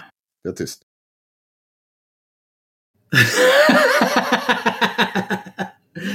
Men man kan ju höra efter så här. Eh, tänker ni gå ut? Vi vet vem det är som har dött. Eh, tänker ni, vad kommer hända med det här? Tänker ni gå ut med den här nyheten? För att annars kommer vi skriva någonting om det. Och då ska de väl få veta att, ja, nej men Annika går i tankar på att eh, avgå. För att hantera den här. Men det är fel sätt att se Och då kanske de säger, kan ni pausa en vecka så får hon bestämma Det sig. är fel sätt att se på nyheten. Antingen får ni köra det här helt själva och sitta och säga det negativt. Eller så låter ni mig svara upp på det på något sätt. Ja men kör då, så får Myra köra sen. Välj! Ja, men Så får Myra köra sen. Vi börjar med att tillbaka. Vi ska Ja, vara lite visst. transparenta. Eh, Den Annika Strandhälls pressekreterare det är Simon Andersson. Som vi har jobbat ihop med, som Myra är kompis med. Jag har inte jobbat med Simon Andersson, för jag har aldrig haft med IRM att göra. Ja, förlåt, förlåt, förlåt. Helvete! Men både jag och Myra har haft med Simon att göra. Så vi kan börja med att det finns en personlig koppling här som blir lite konstig. Det andra är, det är att en minister på något sätt, när dens relation, om den dör, eller en superstjärna av olika slag, eller en filmstjärna, så är det liksom en grej att, ja, så här, nu har den här personens dött. Det blir ett, man anser det som ett allmänintresse. Sen, det Expressen gör, det är att de har förmodligen vetat om det här mycket, mycket längre. Alltså de har nog förmodligen vetat det här Eh, ett par dagar efter att eh, Annika Men Strandhäll... det är också, Henrik, det, det är också skillnad på vad media vet och vad, hen, vad media publicerar. Det var ju det du försökte komma fram till. Eller? Ja, absolut. Ja, och det kommer komma till det. Det som händer är, det är att Annika Strandhäll och, och all, de kommer inte säga vem det är. Vilket media då fattar att, okej, det här är en väldigt privat, så att det här varit lite konstigt. Men de förmodligen vet de bara dagarna efter att det är en sambo det handlar om. Men de håller på det säkert. Sen det som sker nu, eh, precis innan när eh, själva dödsannonsen kommer ut. Då blir det också så här, okej, vi har källor på det här sedan tidigare. Nu bekräftar familjen det själva. Då kan vi säga att eh, ministerns eh, sambo har dött. Så kan vi bara säga det. Och så gör de det. Och sen kommer ju hela cirkus, hon avgår också. Och, och så är det bara så. Men men den kom efter. det kommer efter ja. Och jag bara säger, det enda jag säger är att det är konstigt Mm. att vi inte skulle kunna värdera att eh, en, eh, liksom en så profilerad ministers sambos dödsfall inte skulle kunna vara av allmänintresse. Jag tror att de flesta journalisterna i nej. Sverige skulle hålla Men alltså med jag om det. köper inte. Nej, Jaha, vad konstigt att det bara är Expressen som har publicerat det då. ja. Så tror inte jag att de flesta journalister håller med dig. Vi kan läsa de pressetiska riktlinjerna. Punkt 7 är överväg noga publicitet som kan kränka privatlivets helgd. Mm. Avstå från sådan publicitet om inte ett uppenbart allmänintresse kräver offentlig Precis. belysning. Men då blir ju problemet att de har publicerat det allmänt. Du kan jag prata klart. Du har inte förklarat för mig på vilket sätt det är ett allmänintresse att det specifikt är sambon. Jag köper inte det. Att hon har dödsfall i familjen, i nära De har familjen. Ja, det det har ett allmänintresse. Precis som. Axel, precis som Axel säger. Det har de inte gjort. De har lagt ut en dödsannons. Det är inte att publicera eller göra ett Jo, det har de. uttalande. Det har de gjort. Det är ju offentligt. Men, men eh, kan, om Mm. vi säger så här Henrik. Kan du berätta skillnaden mellan så här, ett, ett dödsfall inom den närmsta familjen kontra hennes sambo? Var, var, var det ligger nyhetsvärdet i att veta exakt vem det är i hennes närhet som, som har avlidit? Om, om vi skulle diskutera nyhetsvärde i det, då skulle vi Diskvar, Om, om vi tre nu sitter och diskuterar det. Alla vi tre skulle vara överens om att det här inte har ett nyhetsvärde. Att alla borde få behålla det här för sig själva. Men det är ju inte så verkligheten fungerar. Utan när det kommer till ett allmänintresse. Till exempel så kan det vara ett allmänintresse i att varför Annika Strandhäll inte har deltagit i verksamheten sen vad var det 27 augusti och så vidare. Men det är inte det det handlar om. Ja, Här. men, Men det är ju samma sak. Det är ju fortfarande på grund av ett, ett dödsfall inom den närmsta familjen. Ja. Jag behöver inte veta exakt vem det är. nej, absolut inte. Men då blir det ju det blir problematiskt när de publicerar de uppgifterna i DN. Och så vill de inte att media ska inte koppla ihop de här två sakerna. Vi har haft den här diskussionen tidigare, tror jag också, med namngivning och, och, och så vidare om offentliga personer. Men om man ska förhålla sig något sånär konsekvent så är det ju så att det är ju ingen som gnäller när någon kändis, mamma, eh, liksom deras sorg när den här närmaste dog. Eh, det, det publiceras Fast dagligen. Och det är faktiskt inte jättemycket gnällande. Av skvallertidningar, ja. Men det är de förhåller sig till de pressetiska reglerna också, Myra. Man kan inte tro det många gånger. Så att vi ska inte bedöma dem något annorlunda. men vi kan klandra dem. Jag tycker väl att skvallertidningar Men vi är kan klandra dem. Ja, men det är ju det Men- jag gör. Det är ju du som säger emot det. Men, jag men- undrar fortfarande hur du säger att det finns ett allmänintresse i att det är specifikt sambon. Jag ser inte, alltså normalt när man skriver en artikel om eh, säg så här, sorgen efter Lill-Babs död, då är ju det därför att de har pratat med några av i familjen som har pratat om det. Det är en annan sak. Men nu, nu vägrade ju Strandhäll och de kommentera det. Och det är väl ännu någonstans ännu mer komprimerande. Just för att det är en politiker som, liksom är, som är frånvarande från sitt arbete. Jag såg några personer som argumenterade. Det här är alltid någonting som kommer tillbaka i när det kommer till politiker. Hon har alltså kunnat gått ifrån sitt arbete från augusti eh, tills nu och avgått. Och hon kommer ha samma lön. Men om vi tar då en av våra städerskor som får någon anhörig som dör. Men det här är ju helt irrelevant för sakfrågan. Nej men vänta, vänta. Nej det är absolut inte irrelevant.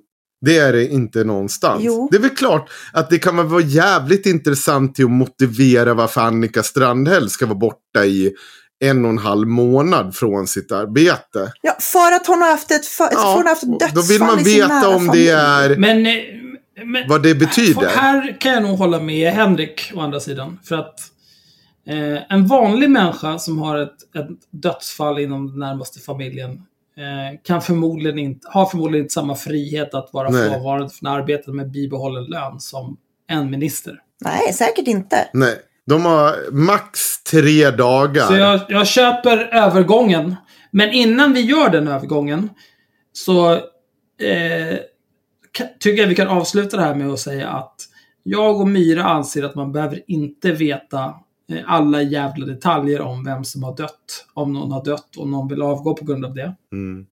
Medan Henrik tycker att det kan vara rimligt. Har du några avslutande ord kring detta, Myra? Ja, alltså jag tycker bara att det är liksom snaskigt att säga att eh, att säga att ja, men det är viktigt att vi får veta att det är precis sambon. För jag tycker inte att det gör någon skillnad i sakfrågan överhuvudtaget. Vilket jag håller med om.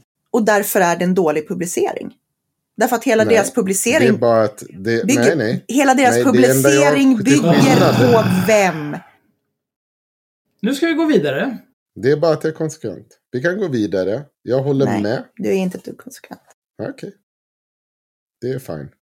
Hur var det med den här jävla undersköterskan? Vilken undersköterska. Ja, den här undersköterskan du pratade om som inte kan vara frånvarande från jobbet i en och en halv månad med bibehållen... Nej, det, det, nej, men det var faktiskt någon som...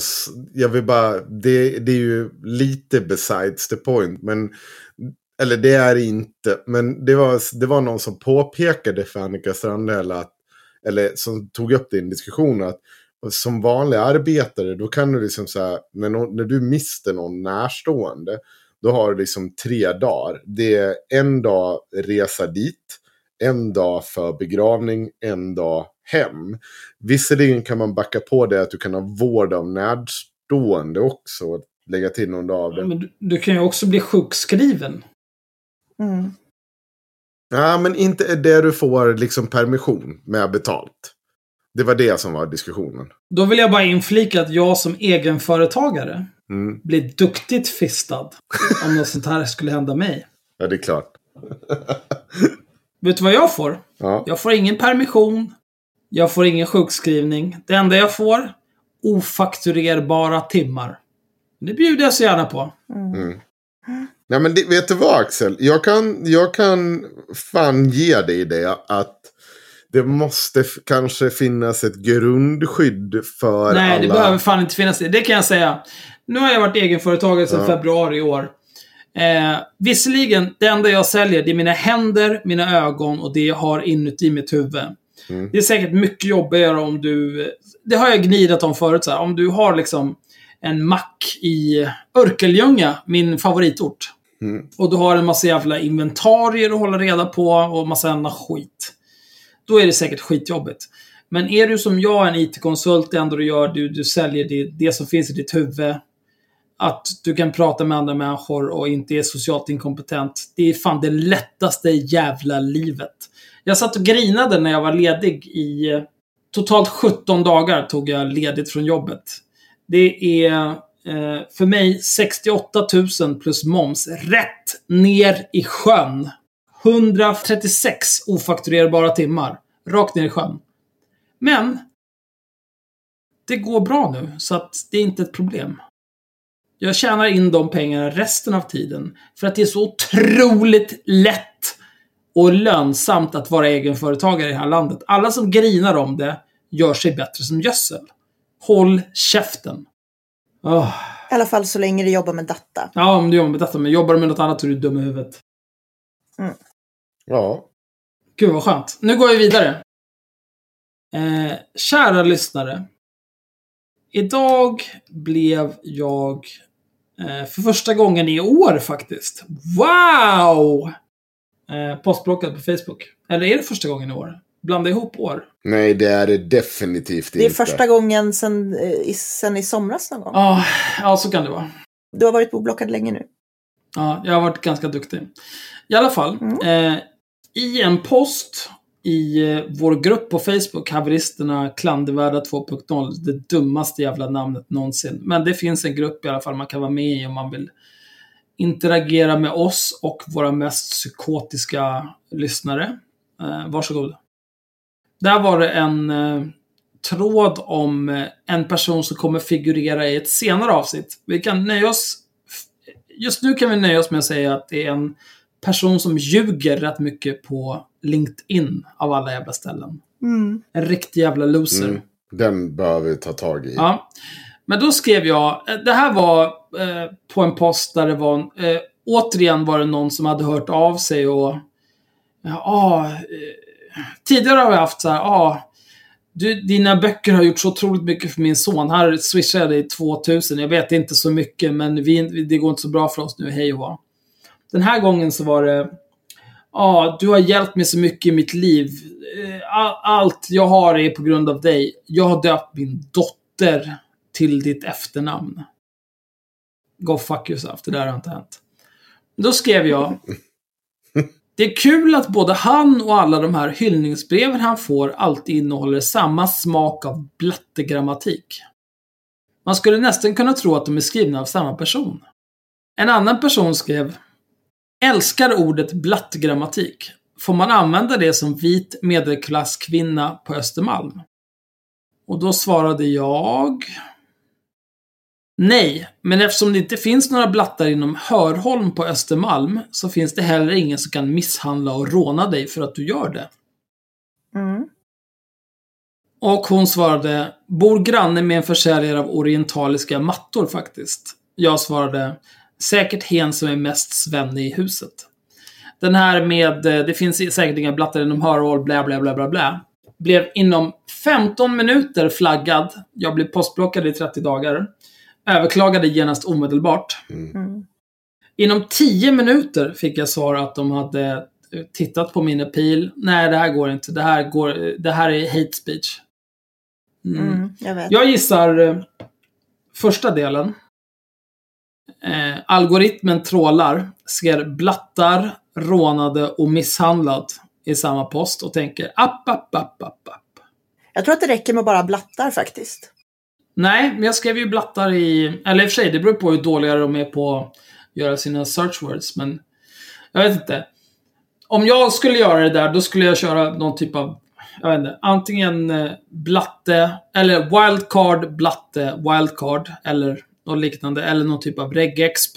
Men det har de inte gjort. Jag skulle kunna göra en bättre algoritm än det de har, om det är det de har gjort. Jag tror att den triggade på Mm. blatte, rånad, misshandlad.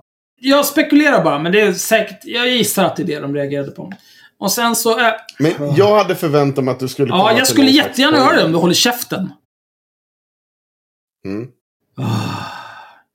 Jävla balla alltså. Säg något. Jag tror att ditt konto är flaggat Säg något. sedan tidigare. Jo, det är klart det är det. Jag har blivit eh, bannad, eller postblockad 300 miljoner gånger.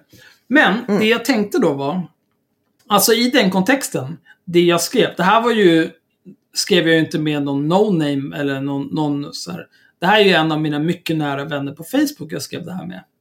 Mm. Eh, det här är bara lite friendly banter. Mm. Eh, och jag tycker heller inte att eh, jag bröt mot några guidelines mot hate speech. Men jag överklagade eh, såklart och det blev deniat på 10 minuter. Så det är någon eh, driftig indier som tog det ärendet, körde min post genom Google Translate och sa Barcelona sitter de i. ja, jättemycket de gör. Mm. Ja, och sen så här, nej det där går inte. Eh, och då tänker jag, ja, fast det är inte så det funkar i riktiga världen där jag jobbar. Så det jag kommer göra på måndag, om det är någon från Facebook som lyssnar på det här. Jag kommer ringa till Facebook och så kommer jag säga, hej! Jag heter Axel Luo Öhman, men jag identifierar mig som Linnea Claesson. eh, mitt Facebook-konto har blivit postblockat i 30 dagar på grund av blä blä blä. Jag skulle vilja att ni löser det direkt. Jag är pretty pissed. Eh, och sen ska jag också informera dem om att jag vet, kära Facebook Sverige, att jag inte har samma reach som Linnea Claesson. Men jag är ändå en tredjedel i en podd som för en, en knapp vecka sedan släppte ett avsnitt om Linnea Claesson och hur klandervärd hon är. Och det är skrivande stund uppe i 9000 spelningar. Så det här är en chans för er att komma in on the ground floor, dumpa Linnea Claesson Lose that zero, get yourself a hero. För annars kan jag prata om hur dåligt Facebook är i varenda jävla avsnitt av den här podden i framtiden. Det gör jag gladeligen. Jag kan prata om allt ifrån hur folk som, titt- som, folk som modererar ert piss-content mår. Jag kan prata om hur ni knullar alla era anställda. Jag kan prata om den information ni samlar in, hur klandervärt det är. Allt det här kan jag göra. Jag kan prata om hur ni gladeligen tar samtal med charlataner som Cissi Wallin och gardet.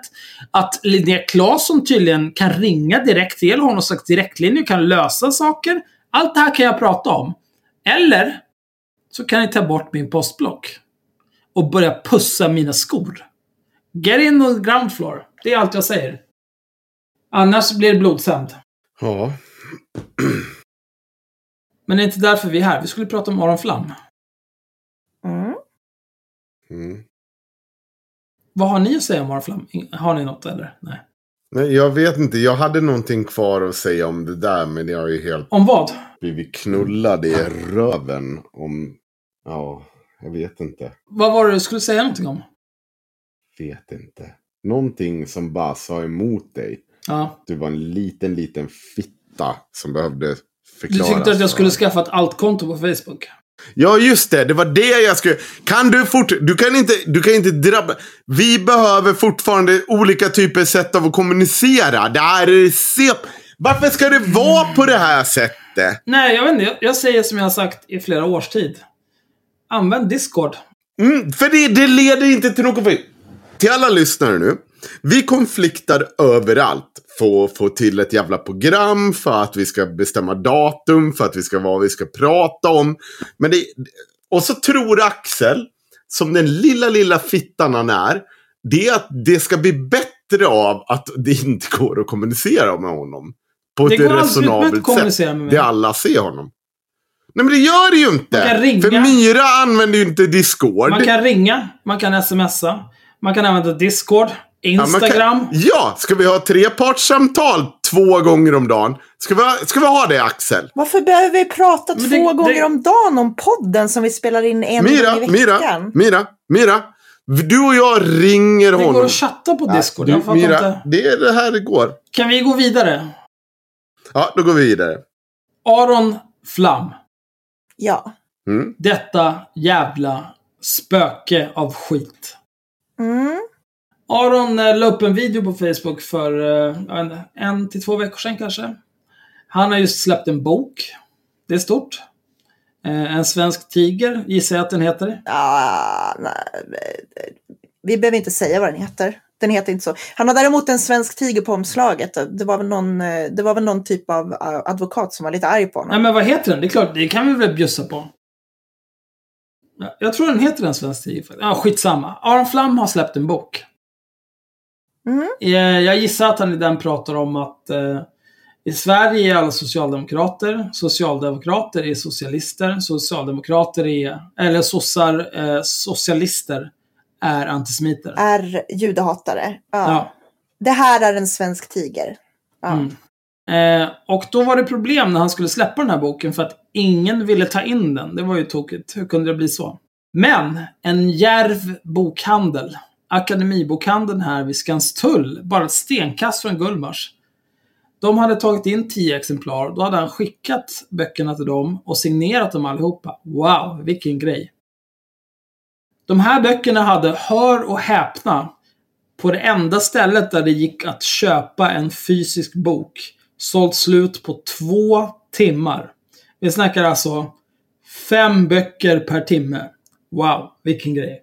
Mm. Aron Flam tyckte att det här var så jävla magiskt så att han skickade 20 böcker till. Alla signerade. Till samma bokhandel. Han har också lagt upp en video på Facebook där han grinar om att Akademibokhandeln... Eh, ja, ni kan titta på videon själva. Eh, det är dumt. Det är extremt dumt. Han tjatar om att Akademibokhandeln Skanstull där, de är de enda som vågar ta in hans bok och så vidare. Alla andra är ja, sossemedia och så vidare. Jag skickade ett mail till Akademibokhandeln. Eh, för att en, Akademibokhandeln, det är liksom inte... Det är inte bara en butik på hörnet liksom. Nej, men han pratar väl någonting, han har väl någon sån här konstig grej där han får att låta som att alla andra bokhandlar i Sverige är statliga, typ. Ja, det är dels det och sen att ingen vågar ta in den för, på grund av eh, politisk press. Mm. Eh, för att han är liksom paranoid. Men nu skickar jag ett litet mail. Eh, Hej! Jag har några frågor gällande Akademibokhandeln och hoppas att ni kan svara på dessa. 1. Hur många Akademibokhandeln finns det i Sverige? I Stockholm? 2. Har alla Akademibokhandeln samma ägare eller är det någon slags franchise? 3. Hur stor kontroll har enskilda butiker gällande vilka böcker som tas in för försäljning? Fick jag ett svar. Eh, en vecka senare. Har jag inte glömt, era jävla svin. Hej Axel! Tack för ditt mail och beklagar att du fått vänta på svar. Det är okej Lina. Du är okej. Vi består i dagsläget av 104 butiker och vissa är franchisebutiker, varav 25 av våra butiker ligger i Stockholm. Vi har ett generellt sortiment för butikerna, men de som är franchise kan välja att ta in fler titlar än vad som ingår i det generella sortimentet. Hoppas att detta besvarar dina frågor och jag önskar dig en fin dag. Ett väldigt fint svar från Lina på Akademibokhandelns kundservice. Tack Lina! Mm. Så det här är uppenbarligen en franchisetagare, det vill säga en privat akademibokhandel, Mm. som har tagit in de här böckerna. Och det finns mycket med det här som jag tycker är efterblivet. Dels att Aron Flam försöker påskina liksom att alla Akademibokhandeln i princip är ägda av staten som motarbetar honom. Det är efterblivet. Det är också efterblivet att han försöker låtsas som att tio böcker sålda på två timmar är en stor grej när böckerna bara finns på ett enda ställe att köpa. Jag menar, han har ändå runt 30 lax lyssnare per avsnitt på sin podd. Så att han har ju ganska många fans. Mm. Jo, men Det är inte konstigt att det finns folk som vill köpa hans bok liksom. nej, det, det kan jag tänka mig.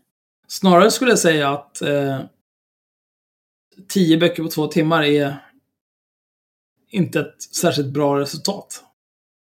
Alltså jag vet, Nej. jag vet inte, för det kanske, jag tänker att de flesta köper böcker och allting annat online idag. Jag vet inte. Ja, jag vet inte om den här finns. Ja, han har ju, han säljer den i sin eh, webbshop. Tillsammans med sin trista merch. Eh, men eh, ja, det känns inte bra. Det känns inte bra. Mm. Men en annan sak med Aron Flam är framförallt eh, Aron, han, som jag sa, snittar runt 30 lax lyssnare per avsnitt. Mm. Eh, på Patreon, det har ju gått sämre och sämre för Aron. Vi låg neck to neck ett tag. Eh, på 528 Patrons var. Vi och han. Mm. Mm. Nu efter att eh, hela det här eh, Paymageddon varje månad när eh, folks kort inte funkar, de måste uppdatera det och hej och hå. Det är massa jävla strul när Patreon ska ta betalt. Alla tappar Mm. 10% patrons i princip. Och sen studsar det oftast tillbaka inom en vecka. Nu ligger eh, Aron på 507 patrons. Medan vi, haveristerna, hjältarnas hjältar. Mm. Vi ligger på 548 patrons.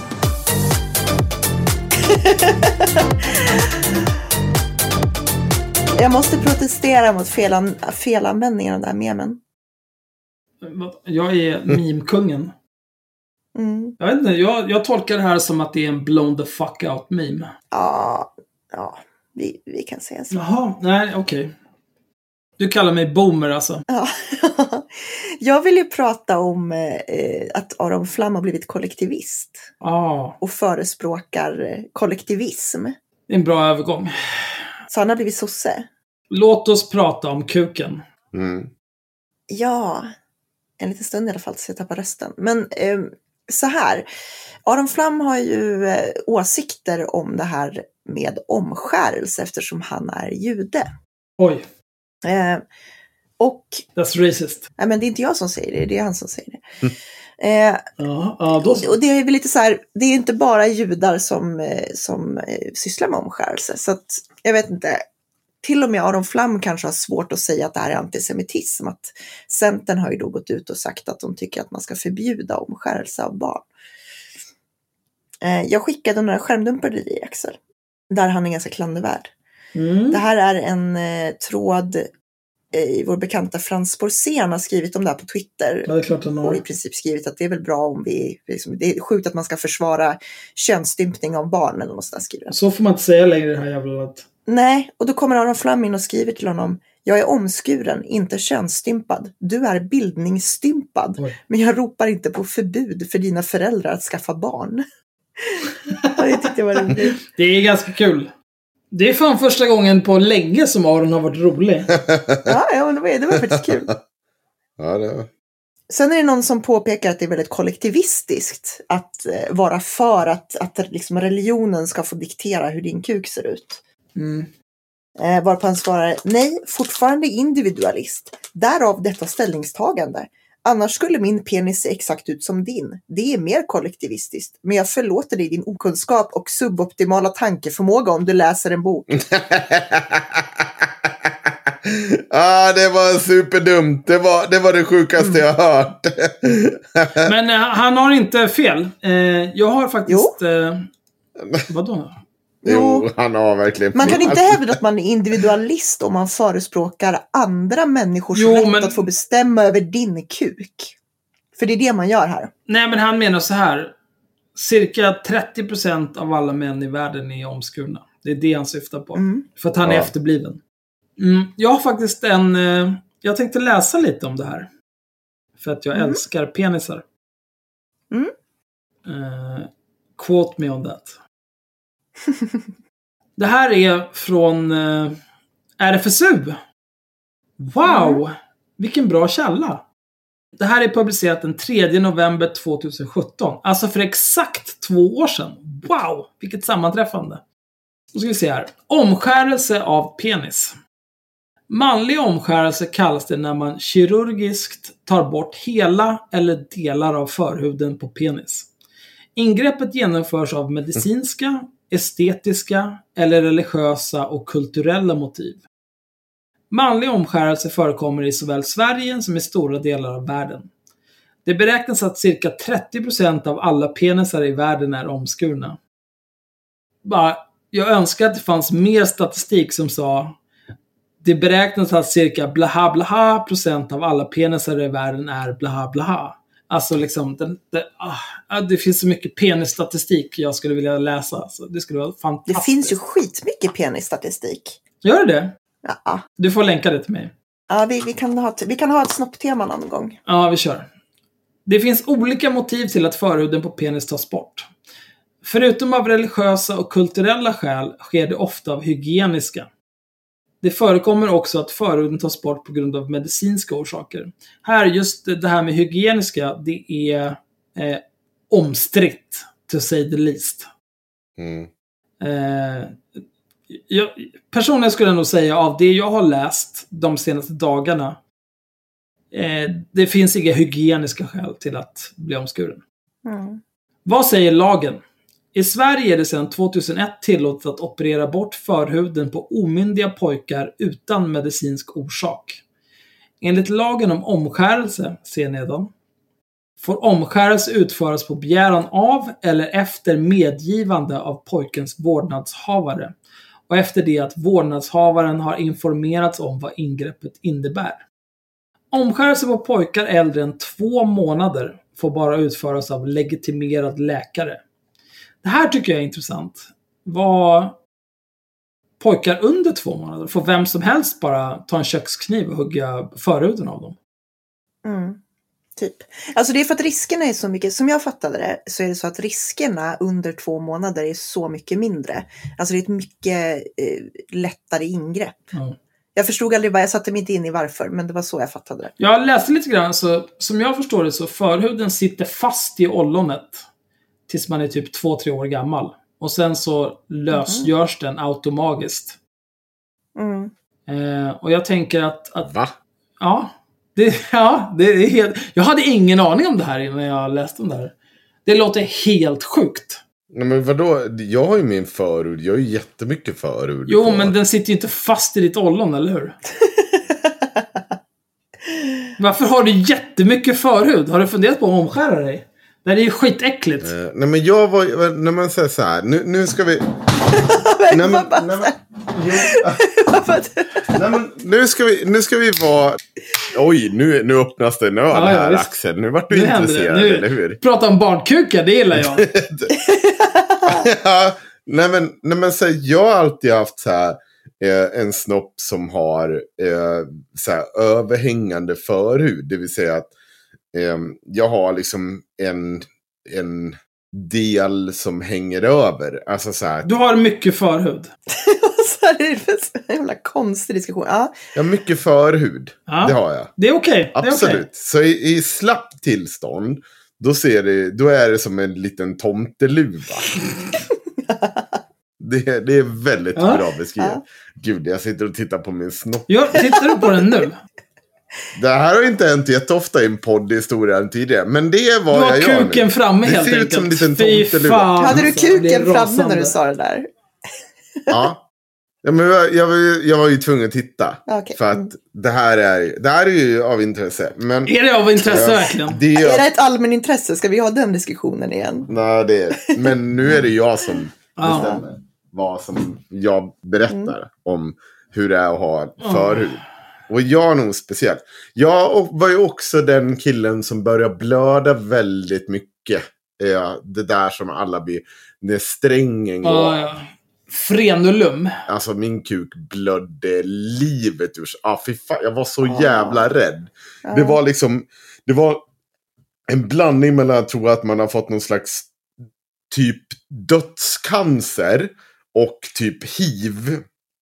Bara för att man har haft sex en gång. Men hur gammal var du då? 32? Ja, men jag förlorade oskulden sent. Jag var typ eh, 17-18. Alltså 17-18 tror jag att jag var när jag förlorade oskulden. Och då började det blöda ur ballen och hade inte en aning om vad det var. Inte direkt, inte första gången. Men när vi typ började ha regelbundet sex. Då började helt plötsligt kuken gå sönder. Så det gick, alltså, det gick så sönder. Och det blödde så mycket. Alltså så här, tänk er en tjej som har mens. Ja. Fast på crack. Kan du inte bara säga ett stort sår, mycket blod? Nej, men det var inte ett stort sår. För det var ett superlitet sår. Som bara sprutade blod. Nej, men jag förstår att det inte var ett stort sår. Men, men hela anledningen till att kuken ändrar storlek är ju för att den är full av blod. Om du har någon typ Mm. av skärsår på kuken, då kommer det ju spruta Jo, men det är bra blod. det att du kommer nu och ex... eh, Oj, oj! Killen som är 40 Ja, det plus kommer och efterklok mot killen som just har förlorat Ja. oskulden. Är 18 år Jo, det- gammal. Har ingen aning om vad han det är väl håller inte på mitt med. fel. Vad ska jag och så göra? helt plötsligt börjar det spruta blod ur kuken. Det är klart att jag tror att det är hivcancer jag har fått. Det är hivcancer! Vi ska också komma ihåg att på den här tiden, det måste jag tänka, på den här tiden så var det ju inte riktigt lika lätt att bara gå och googla saker heller. Eller hur? På 1800-talet. Äh, äh. Du bara gick ut liksom, du var tvungen att gå ut i din dinosaurie och rida in till läkaren. Åh, herregud. Nej, det, det är faktiskt det värsta är att det är lite sant. För när jag var 18 då var det 2000. Du bodde ju på landet också. Ja, man hade ingen... Det fanns ju ingen inom 30 mils radie som kunde Ja, göra men någonting åt idag så hade man ju liksom, idag hade man ju tagit upp mobilen, skrivit in det på Google och så hade du fått 50 miljarder. Nej men idag, då skickar de väl bara en dickpic till Kry. Och så berättar de för så här, "Nå, det där, din balle är trasig. Det är bara att gå till närmaste vårdcentral. Tack, det här ska vi fakturera landstinget för. För vi är horungar. Ja. Eller så skickar du den direkt till Linnea Claesson. Ja, det går ju också. Ja. Ja. Det är också ett alternativ. Jag Så att hon får en äkta dickpic någon gång i sitt liv. Men i alla fall. Jävla lögnare alltså. Nej men det är så att säga, just det här att ha förhud. Det är ju också väldigt speciellt. Jag, jag har tänkt på det för de som inte har förhud. Jag har ingen aning om hur det känns. Nej, men vi kommer till det. Ja, men det har Vi kommer till väldigt... det. kö- Mm. Okej. Eh, omskärelse Ja. på pojkar äldre än två månader får bara utföras av legitimerad läkare. Informationen ska även ges till pojken om han är stor nog att förstå den. Kan, kan, jag få säga en sak? Jag vill ha bara en disclaimer. Min kuk går alltså inte runt och ser ut som en tomteluva bara hur som Ingen helst. bryr sig, Henrik. Nej, Ingen okej. bryr sig. Nej. Ingen bryr sig. Nej, men jag vill bara ha det sagt. Pojkens inställning ska så långt som möjligt klarläggas och ingreppet får inte utföras mot pojkens vilja. På barn yngre än två månader får omskärelse göras av person med särskilt tillstånd. Ingreppet ska alltid ske med, göras med smärtlindring oavsett ålder som ges av legitimerad läkare eller sjuksköterska. Det här har bara varit en lag sedan 2001 by the way. Innan det så fick man göra det utan eh, smärtlindring. Ja, Den judiska gemenskapen var ganska arg på det också kan jag säga. När det skulle införas som ja det är regel. typiskt judar alltså. Så jävla arga hela tiden. Va? Nej men det är sant. De. Ja, men vi, vi tar oss igenom det här nu. 2007 utvärderade Socialstyrelsen lagen om omskärelse och då framkom att många omskärelser fortfarande sker i hemmen och utförs av privatpersoner i osteril miljö med marginell eller ingen smärtlindring alls. För att reducera antalet osäkra omskärelser rekommenderade Socialstyrelsen därpå landstingen att erbjuda omskärelse, något som många landsting och barnkirurger ställer sig skeptiska till, framförallt av etiska skäl. Mm. Man anser att icke-medicinsk omskärelse är svår att förena med respekten för barnets rätt till integritet och självbestämmande. Kirurgiska ingrepp bör heller inte utföras utan medicinsk grund, då de aldrig är helt riskfria. Eh, sen är det olika typer av asterisker här och så vidare. Mm. Eh, vi kan ta dem. Första asterisken. Det är skillnad på att göra ingreppet på ett spädbarn och på ett äldre pojkar. På äldre pojkar krävs mer avancerad teknik och ska utföras på sjukhus. Mm. Det krävs även stygn efteråt. Andra asterisken. Svenska Läkaresällskapets delegation för medicinsk etik granskade frågan ur ett etiskt och juridiskt perspektiv och skriver i ett uttalande. Det är därför etiskt tvivelaktigt att på icke-medicinska grunder utföra omskärelse på ett barn som inte själv har haft möjlighet att delta i beslutet. Eh, Så här är vi nu. Okej, får jag, kan jag börja Ja, börjar du. ja, och, så, och blottlägga mig själv? Ska du prata mer om din trasiga kuk?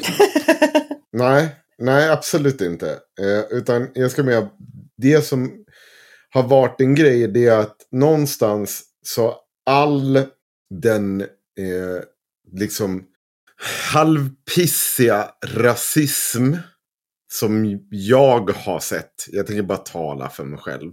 Den har lett fram till det här tillfället när vi bara har liksom att all den här religiösa och sånt så här. För till, till syvende och sist, det är muslimerna vi pratar om. Vi har inte brytt oss ett skit om att vi har haft en judisk befolkning i Sverige som har agerat på det här I sättet. hundratals år. Eller då, ja, i sydkoreansk eller vad, alla de här ni nu vill peka ut. Ja, det kan ju nämnas. Alltså, som, som jag sa tidigare, 30% av alla penisar i världen är omskurna. Mm. I Ja. USA och Sydkorea så är det över 80%. Mm. Ja, så vi, vi, vi, vi bara så här, släpper den detaljen. Så det, det som stör mig det är att jag sitter nu och tvingas diskutera det här utifrån liksom någonting som, som egentligen jag vet är påkallat av någonting annat. Sen, så min moraliska kompass säger ju så här bara, nej, varför, varför i helvete ska barn tvingas göra det här? Utan va, va, det måste vi de få bestämma själva.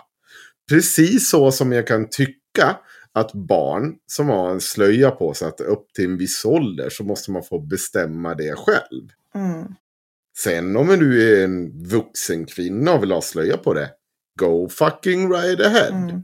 Men vi måste komma överens om någon ålder när du får bestämma det här. Tvinga på barnen religion, liksom. Det handlar ju, det handlar ju om dop också. Ja, men, men, eh, jo, men när, när idag kan du påbörja könsförändringar eh, förändringar i Sverige? Alltså, du ska typ vara 18 innan, du, innan de kan göra... Men det är olika vad man menar. men du kan börja påbörja grejen innan, eller hur? Man kan Nej. ju innan få eh, hormoner för att skjuta upp puberteten. Ja. Precis, puberteten. Så du kan göra vissa förändringar i det. Nej, fast, fast nej, det är inte en förändring. Nej, det är ju ingen förändring. Det är bara en förlängning av det tillstånd du är i. Nej, precis. Men du, du kan skjuta upp det tillståndet Ja, du är i. absolut. Men det gör ju ingen skillnad. Du kan ju Ja. gå igenom pubertetens... Alltså, de skjuter ju upp puberteten tills du är 18 och kan fatta ett Nej, beslut. Men då, då, jag, jag kan ju tycka också då att i ett, ett land i Sverige då och då, då kan du när du är 15 år, när du väl bestämmer det, så kan du bestämma dig själv för också att skära av snitten på kuken.